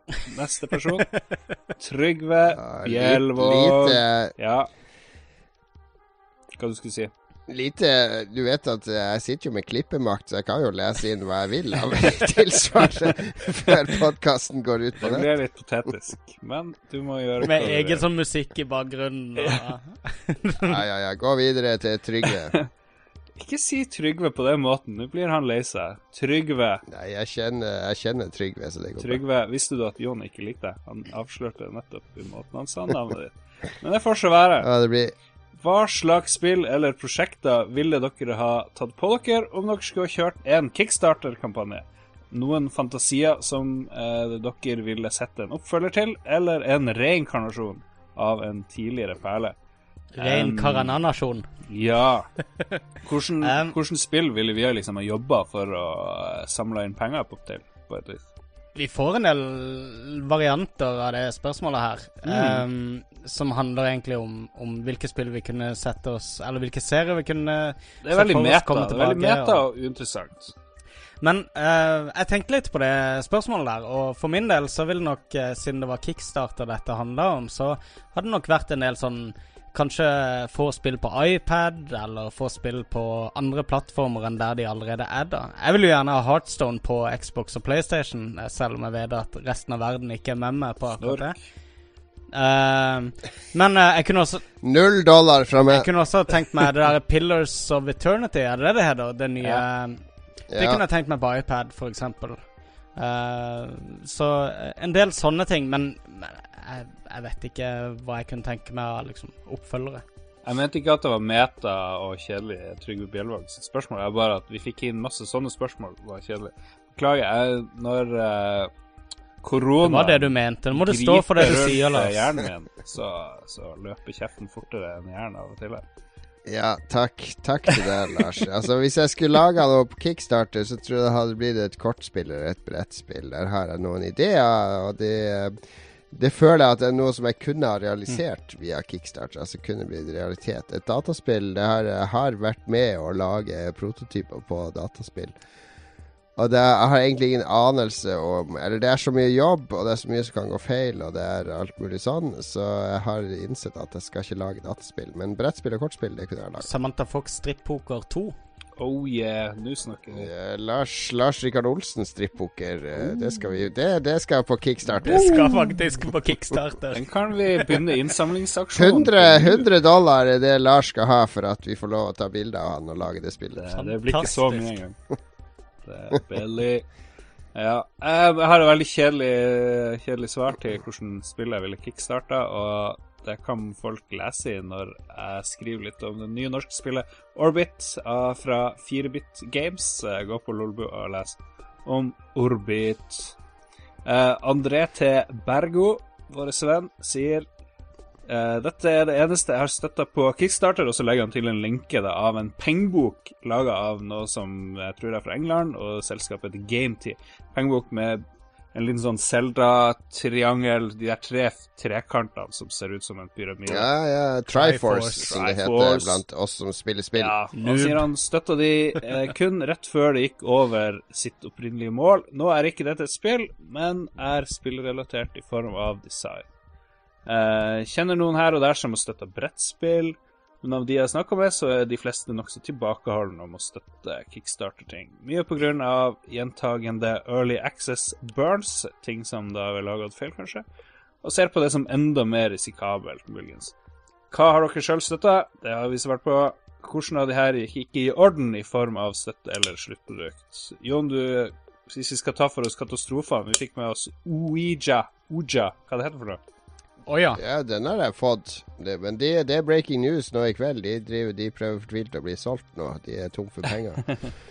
men eh, jo, jeg har fått det. Jeg har fått alt Ja. støtta. Det er noen brettspill jeg ikke har fått ennå, men de er jeg ganske sikre på er på vei. Ja. Jeg har fått alt. Det største problemet med de fysiske tingene på Kickstarter, det er jo at uh, Norge anerkjennes ikke som et europeisk land. Mm. Fordi Kickstarter har en sånn greie som heter EU-friendly shipping. Eh, det betyr at ting ofte blir trykt i Tyskland, og så distribueres det videre ut i EU. Og da er ikke Norge med. da, altså de norsk, Det som skal til Norge, det, det kommer fra USA. da, altså Norge rangeres som et land i Afrika. eller Det, det er den dyreste shippinga i verden liksom, for å få det til Norge. Når de bare kunne ha kjørt det rett opp fra Tyskland. Men, men. Jeg, jeg tror eh, folk må tenke litt mindre på hva de får igjen for å gi penger i kickstarter-prosjekter, og heller tenke litt over hva de støtter. Altså, folk I en sånn kreativ eh, tilværelse så må folk ha muligheten til å feile òg, og det det handler om å Du spytter penger inn i, i, eh, i kreativitet, i at folk skaper noe, og i hvert fall prøver å lage noe du kunne tenke deg at skal eksistere. Slik Og- snakker en gründer under utdanning.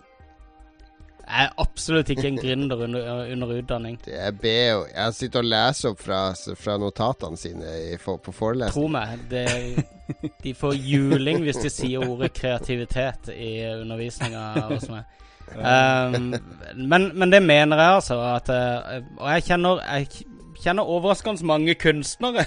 uh, uh, uh, og jeg vet at eh, de er fullstendig avhengige av å få en del penger eh, gratis fra staten eller fra forskjellige fond osv. For, for å ha det albuerommet de trenger for å være ekte kreative.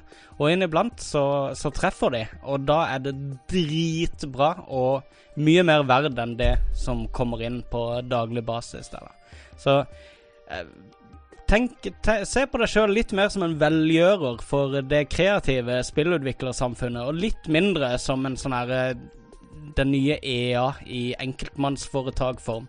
Så tror jeg du kommer langt. Ok. OK, jeg, ja. Jeg sona litt ut der. Var det Det var veldig givende. Han, he, han, he, han heter forresten Du leste navnet hans feil, han der òg, Lars. Han heter Andrej. Han har sånn tøddel på én, så da blir det Andrej? Andrej. Russisk spion? Akkurat som Dr. Dre. Harald Brobakken Danielsen ville at vi skulle snakke om Steam, og det her er sikkert betalt imot. Det har vi gjort. Geir Botnen Eid sier at spørsmålet ikke har noe med tema å gjøre, men i hvilket spill har maten sett så bra ut at vi ble sulten av å se på den? Det var Oi, oi, et oi. av de beste spørsmålene vi har fått ever, nesten. Eller hva, Magnus? Ja, faktisk. Eh, ja. Ehm, Det var et bra spørsmål, men liksom, det er vanskelig å svare på det. jeg prøver å huske mat i spill. Um, Det er jo, det er jo mye mat i uh, Final Fantasy 7, nei, 15-demoen. Der er det mye lekker mat. Jeg har si. skjønt det. Mm. Um, jeg husker Pizza Tycoon spilte jeg altfor mye på PC back in the day, da du skal designe dine egne pizzaer. Um, jeg, plavde, jeg klarte å designe en del jeg hadde lyst til å spise sjøl der, men eh, Nei, jeg kommer ikke på noen gode, gode eksempler på attraktiv mat i Hvis jeg husker rett, i, i Tomodachi Life så, så gir du sånne Kan man gi sånn mat i gave til hverandre og sånn. De fi figurene. Det er Nintendo 3DS-spillet som er sånn eh, japansk eh, absurd Sims-variant. Men all maten der er fotografier av ekte mat. Altså Den ser faktisk ganske god ut. Sånn ordentlig japanske retter. Vet du hva er den styggeste bildene av mat jeg har sett? Ikke at det var i spill, men jeg var i Bulgaria en gang eh, med ei dame. Nå blir det en lang historie. Nei da. Men liksom, sånne bilder folk har utpå restaurantene sine, og så har de bilder, sånne stygge bilder av mat. Hvorfor har de det? Hva er greia? Det var mye tyske Fordi turister der, da. Det kan jo forklare litt. Vi må kanskje spørre han Jan Christian Hegel om akkurat den teorien. da. Ja, men det er, det, er, det er veldig vanskelig å ta gode, ordentlige matbilder. Jeg vet at det er en av fotografene i Aftenposten. Han har vært fast fotograf i sånne Hellstrøm-kokebøker, og det er egen kunst å få den maten til å se så utrolig lekker ut på Det er jo bare å ha bra nok lys, egentlig, er jo mitt tips. Men det er Det veldig mye Bulgaria. Tingen er at eh, når, eh, når Først skal du dandere maten, og så idet det står under veldig mye varme, og det står lenge, så begynner det å se kjørt ut, så du må liksom behandle det på forskjellige måter for at det skal se bra ut. Det er, det er visstnok veldig, veldig vanskelig. Mm. Men uh, i, jeg regner med disse bulgarske restaurantene du snakker om, ikke nødvendigvis hadde investert så altfor mye i fotoutstyr før de tok bilde. Nei, det er uh, Kodak-bilder. Altså, de bare hadde blåst opp. Det var veldig mye sånn her, uh, eh, lysstoffrør som gjorde at alt så gult f.eks. for eksempel. Og det er jo lett du- å fikse. Men det det er sånn du ser Du ser det i Oslo òg, så ser du noen sånne um, eh, restauranter som bare De har bare bestemt seg for at eh, vi skal ha bilder av all maten vår utenfor, og vi har ikke tenkt å bruke et dyrt kamera til å gjøre det med. Gjerne mobil. Og da ser alt ut som spy. Jeg, jeg, jeg har heller ingen idé om hvorfor folk gjør det. Men folk tar jo bilder av maten hele tida i Instagram, og der ser det jo godt. Syns du det? Det er jo bare ovenfra og ned, sånn som man skal se mat. 90% av de der eh, bildene av dette, dette er denne deilige gourmetmiddagen jeg har lagd i kveld. 90% av de bildene ser ut som spy, syns jeg. For en helvetes matsnobb. Men hvis vi skal snakke om den det søteste matreferansen i et spill noensinne, så er jo det i Super Mario 64. Fordi hvis du lar Mario stå helt i ro, så setter han seg ned. Og så legger han seg ned, og så begynner han å snorke. Og etter han har snorka i ett minutt, så sier han Lasagne. Ravioli. Mamma mia.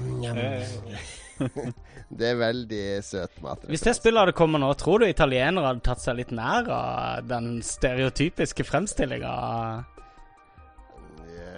Det er en, eh, ja, det er en, det er en temaepisode, det. Det, da går under temaet den politisk korrektifiseringa av Norge. Yes. Det er et helt annet tema. Jeg tror vi skal gå videre i spørsmålene. Hvor var vi kommet? Jeg har jeg la inn et nytt spørsmål og datt helt ut hvor vi Nå var. er vi, nå er vi på Tom. Tom Ja, Ødegaard. det er det. På Tom, Tom Ødegaard. Eh, også kjent som Big Hurt. Eh, 360. Yes, yes, yes. Han har jeg snakka med i dag. ok, ja, da hadde du kjøpt Amibos. Amiibos. Eh, Ja, han lurer på om det er noen av oss som spiller State of Decay. Eh, Nå som Xbox 1-versjonen endelig er ute. Han er spent på forskjellene fra eh, 360-spillene. Det er vel sånn zombie survival days-aktig greie, kanskje. Ja, men det har vel en sånn multiplayer-del, eh, hvis jeg husker Det har det. Altså, Jeg har mast som er på det. integrert i singleplayeren, og åpen, litt mer åpen verden og sånn. Det var ganske kult på Xbox 360. Jeg bare spilte det bitte litt der, men jeg har tenkt å prøve det nå på Xbox. Um, prøve det jeg, har så vidt satt, jeg har så vidt satt i gang med det. Um, jeg ble litt overraska over det. Jeg, jeg ser alltid for meg zombiespill som sånn gufne, dystopiske uh, Sånn De neste 70 timene så kommer du ikke til å smile engang. Alt er deprimerende og grått. Men eh, de har en ganske sånn frisk tilnærming til zombiesjangeren, da. Um, med en del ganske sterke farver og morsomme eh, Morsomme replikker, kule liksom eh, forskjellige karakterer du dukker, eller som dukker opp i spillet. Og eh, litt sånn enkelt gameplay, men veldig lovende. Jeg har jo mast veldig på dere på å ta en Let's Play på det, og jeg syns kanskje vi skal realisere det hvis vi klarer det. Ja, absolutt. Men jeg har ikke spilt det på 360, så jeg har Word. ingenting å sammenligne med der. Men det, det er i hvert fall pent å se på. Yeah, yeah dog. Uh, skal vi se. uh, og det her, en, Snakk om gode spørsmål. Jesus, mother. Bjarte Rosehaug. Er det noe vi i Lolbua er fundamentalt uenige om gamer-wise? Jeg vet ikke, vi kan jo ta med alt. Er det noe vi er veldig fundamentalt uenige om? Vi Du er jo nynazist, Lars. Det er jo litt sånn eh, Det er jo litt kontroversielt. Og så lager jeg krokodille, det må du huske. Det Så lager du krokodill. Ja, Så det Det er jo litt kontroversielt, det òg. Jeg vet ikke hva vi er fundamentalt uenige om. Dere er- krangler jo mye, men det er jo mer sånn for å krangle for, for å krangle, liksom. føler Ja, men eh, meg og Cato har en, eh, en sånn eh, kjemi oss imellom at vi, vi krangler ut alle, alle uenigheter. Ja, men vi er egentlig ikke så uenige heller, da. Men vi, eh, vi, det, vi har vi, Det er en fin måte å utfordre dine egne synspunkt på å bli motsagt. uh, og prøve å ta, ta og spinne litt på ditt eget standpunkt. Så vi er, det er sjelden vi er sånn veldig uenige. Mock trial, som det heter. Har dere Dere har jo bodd i Oslo i lenge, ikke sant? Og jeg er litt mer sånn perifer nå. Er det Men dere må jo ha vært så lenge nær på hverandre at dere har hatt en skikkelig krangel. Har det, har det skjedd, liksom, på noe tidspunkt? Nei, ikke skikkelig. Kanskje når jeg spydde hjemme hos Magnus. Nei, nei, nei, nei, jeg lo av deg i ei uke etter det. Vet, vet du hva, vi har vært Eh, kompiser i ja, rundt 15 år nå, er det ikke noe sånn, Jon? Og Ja, jeg det tror det. aldri vi har hatt en seriøs krangel. Med bekjente, i hvert fall. Kanskje du har krangla med meg, men jeg har ikke krangla med deg, i hvert fall. Nei, det har kanskje vært litt sånn uh, anspente dager på jobb, kanskje, Ja. hvis vi har gått litt på tærne til hverandre, men aldri noe sånn at vi har blitt uvenner av det. Så nå ser du Ja.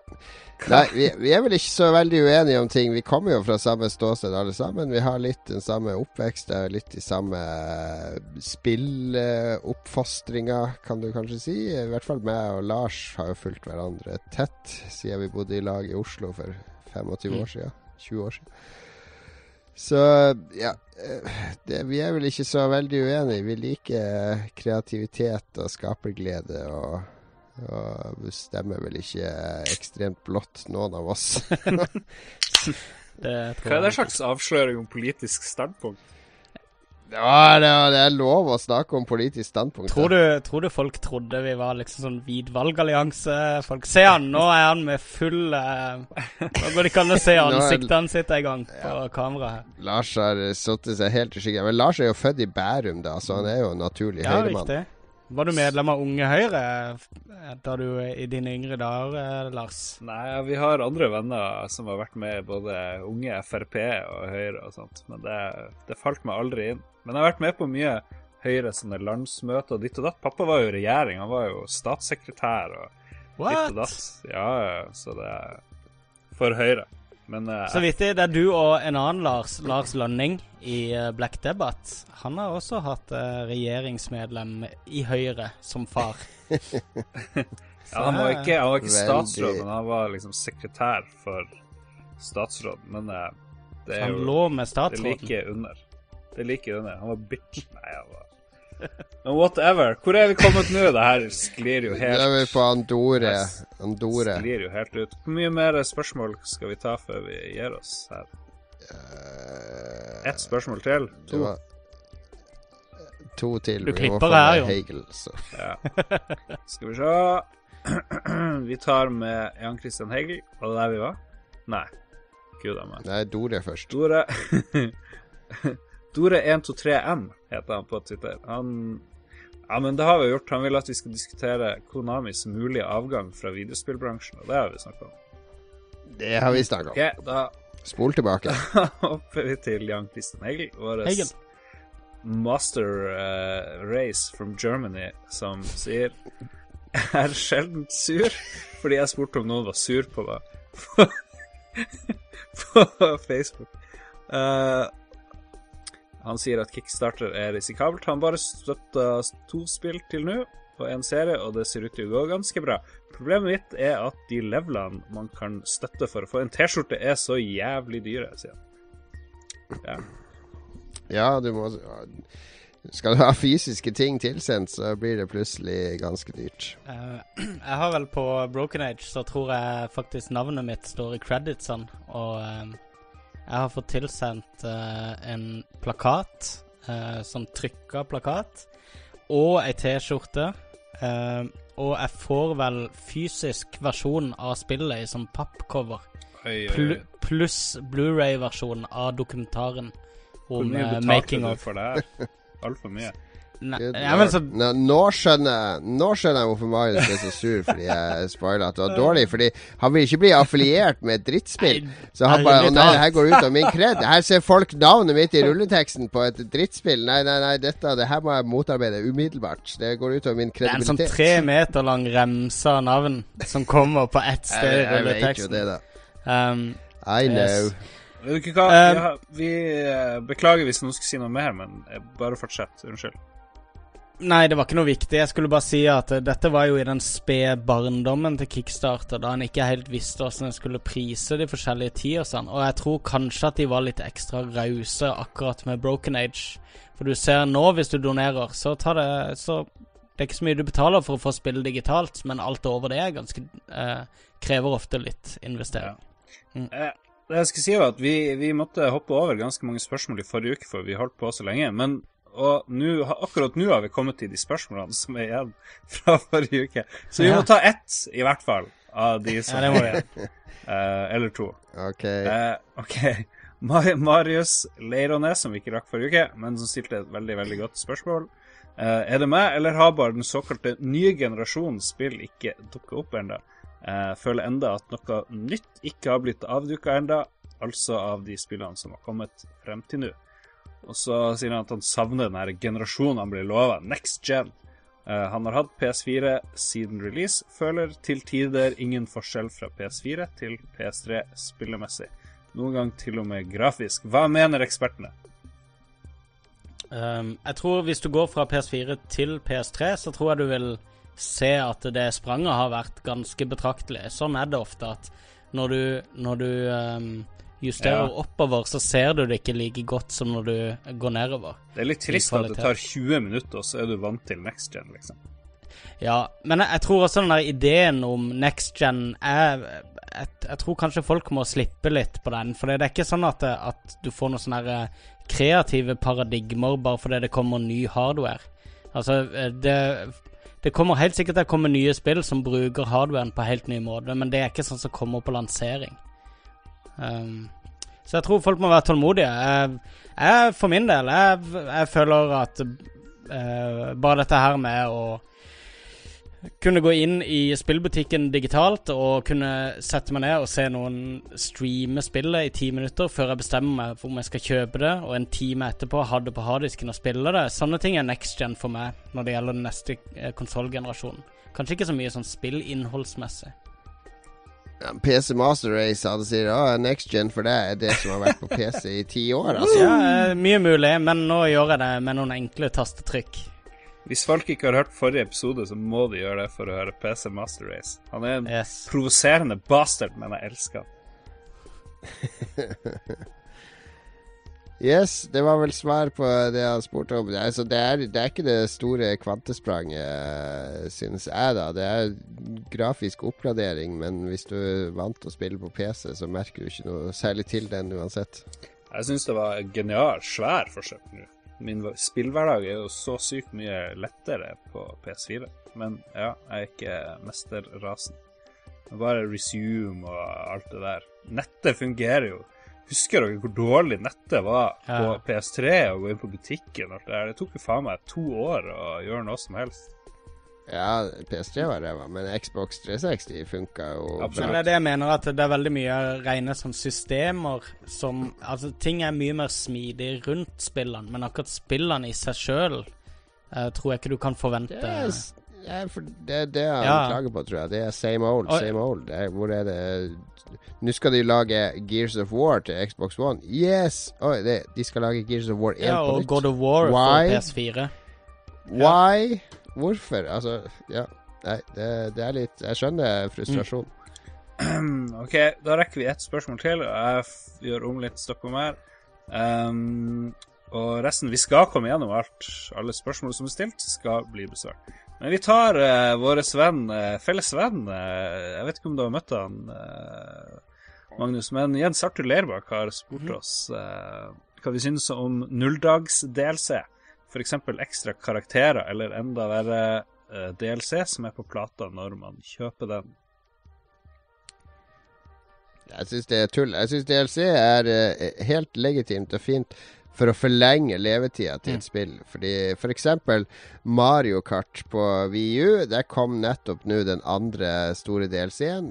Åtte nye baner, tre nye karakterer, 200 CC-mode. En fantastisk pakke som virkelig eh, adder noe nytt og kult og, og mer innhold til spillet. Det er ett år etter spillet kom. ikke sant? Det har kommet to sånne pakker etter spillet kom. Men sånn dag null-DLC, det er noe forbanna tull som bare skal lure deg til å forhåndsbestille for å ikke gå glipp Ja, av og, men det kommer litt an på hvordan en definerer DLC på det. For det, DLC, hvis, hvis det er i form av liksom at du kan kjøpe noen alternative kostymer eller andre sånn kosmetiske ting, eh, syns jeg det er uproblematisk å selge det. Ja, sånn som Mortal Kombat, der kan du, kunne du vel kjøpe Goro fra Ja, dag én. Han var ikke med i selve spillet, men han var dag null Ja. DLC. Det, det er bare sprøyt. Det, er, det føles som det føles som det sitter noen eh, som ikke er interessert i å gi deg et kult spill, og bestemme hvordan spillet skal lanseres. Vi som har betalt 900 kroner for Mortal Kombat X, er ikke veldig fornøyd med at Goro ikke er spillbar eh, fra Er ikke Goro spillbar for deg, jeg. Nei, Lars. Nei, faktisk ikke. Ja, Lars får sikkert 20% rabatt på å kjøpe Goro fordi Ja. han betalte Press X to pay respects på Goro, sier jeg bare. Det er den beste dealen. Jeg angrer så sykt. Helt vilt. Der Oh må my du printe ut den kvitteringa, ramme den inn og henge på veggen, Lars. Ja, den skal trekkes fra på skatten, skal jeg si. Du får 25 trukket fra. Ja, det er en, en liten trøst. Men eh, gutta, dere som er så kickstarter-vennlige, dere betaler gjerne 10 og 20-30 dollar ekstra for å få en T-skjorte, eller at spillet er spillbart på Linux, eller et eller annet tull. Men hvis utvikleren plutselig sier at ja, OK, for å få noe ekstra levels og sånt, så kan vi leie inn et annet studio. Vi kan leie inn Iron Galaxy, ikke sant, til å lage masse ekstra, men da blir det DLC, ikke sant. Og vi vil gjerne at dere skal Hvorfor skal dere ikke få det day one? Vi har jo betalt masse ekstra, men det ble ferdig i tide. La oss hive det inn i hovedspillet. Hva er galt med det? det er greit. Og jeg har tidligere uh, hatt det poenget som jeg mener fremdeles er gyldig, med at uh, hvis eh, studioet har muligheten til å lage noe på bestilling for andre underveis i utviklinga, og det gjør at de får inn mer penger mens de utvikler, og dermed får muligheten til å gjøre hovedspillet bedre også, som konsekvens. For det mesteparten av pengene kommer ikke inn før du har ferdigstilt et prosjekt eh, som spillutvikler. Så mener jeg dette er det bedre, og derfor så skal en, en skal ha det i bakhodet når det gjelder sånn her eh, forhåndsbestillingseksklusivitet og, og sånne ting som dette her, med at eh, utviklerne har faktisk fått inn ganske mye penger allerede under utviklinga, eller veldig tidlig ute i utviklinga, så de har hatt muligheten til å spytte mer inn i selve spillet, som konsekvens. Forhåpentligvis. Faen er heavy visdomsord her på slutten av sendinga. Det ble meget heavy. Vi må avslutte nå. Vi eh, er langt over eh, den eh, tilmålte tida for podkasten vår. Å nei, å nei. Vi er, vi er tilbake neste uke med nok en podkast. Um, vi kan jo tease litt eh, våren fremover. Altså, jeg kommer til å dra på Nordic Game Convention om noen uker og ta med litt lydopptak derifra. Det, det skjer litt der. Det kommer han som lager Life Is Strange er der. Chris Avalone er der. Mannen bak Planescape Torment og, og Fallout New Vegas var han vel òg involvert i. Eh, veldig eh, anerkjent spillutvikler. Jeg skal prøve å få noen ord med han òg. så det blir en, en liten reportasje derifra. Også i juni Så det blir vel ikke noe etere på oss i år, Lars? Dessverre. Det er litt nederlag. Men uh, ja. Nei, vi har oppgradert fra etere. I år blir det i stedet Klekken på oss. Og hva Klekken er det Trofaste Lolbua-lyttere vet at vi hadde en Klekken-temaepisode i fjor.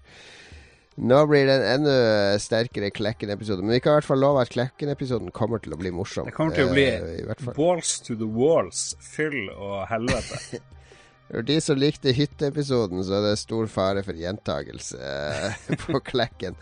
Eh, men den uka så kommer du, Lars, til Oslo òg, da. Så vi kommer vel antagelig til å spille inn en vanlig episode òg, kanskje der vi alle tre er sammen. Det hadde vært kult. Eh, hvis, Ja, det blir konge. hvis Magnus er oppe i kantina på BI mens Magnus leser og bare sier ja og nei Ja. innimellom. Det blir sånn. Antagelig. Men det, det er i hvert fall mye å glede seg til frem mot sommeren fra Lolbua. Vi er på hugget, og vi skal produsere ting på lolbua.no. Daglig er målet vårt, så gjør det kjeft på oss hvis du savner noe på lolbua.no. Eller hvis du er awesome og er veldig flink, så kan du bidra sjøl med noe Du trenger ikke være awesome heller. Vi er ikke 100% awesome. 99 awesome. Du- Vi er 99, vi er så awesome at vi først nå har gidda å få oss en e-mailadresse. Så du kan kontakte oss på kontakt at lolbua.no. Kontakt at lolbua.no. Eh, vår nye e-mailadresse. Hvis du har noe på hjertet, eller har lyst til å bidra, eller har tips, eller hva som helst. Steam-koder til norske spill og Ja. så videre. Følg oss også på Twitter, at Lolbua. Facebook, der søker du bare opp Lolbua, så finner du der. Eh, kom på min og Magnus sin spillquiz. Det er det neste uke allerede. Det er det faktisk. Samme dag som jeg skal ha eksamen. Yes, tirsdag 5. mai. Der blir det spillquiz med meg og Magnus på Tilt i Oslo. Er du i nærheten, så kom innom. Selv om du ikke tør å quize, så er det veldig hyggelig stemning der. Abonner på YouTube vår, quize. så for guds skyld. Ja, abonner Vi på må, YouTube. vi må nå Lolbua. 500. Vi mangler bare 367. All right, nok tigging her på slutten. Det her blir kjedelig. Og doner penger. Doner penger. Så Vi snakkes neste uke. Ha det! Ha det.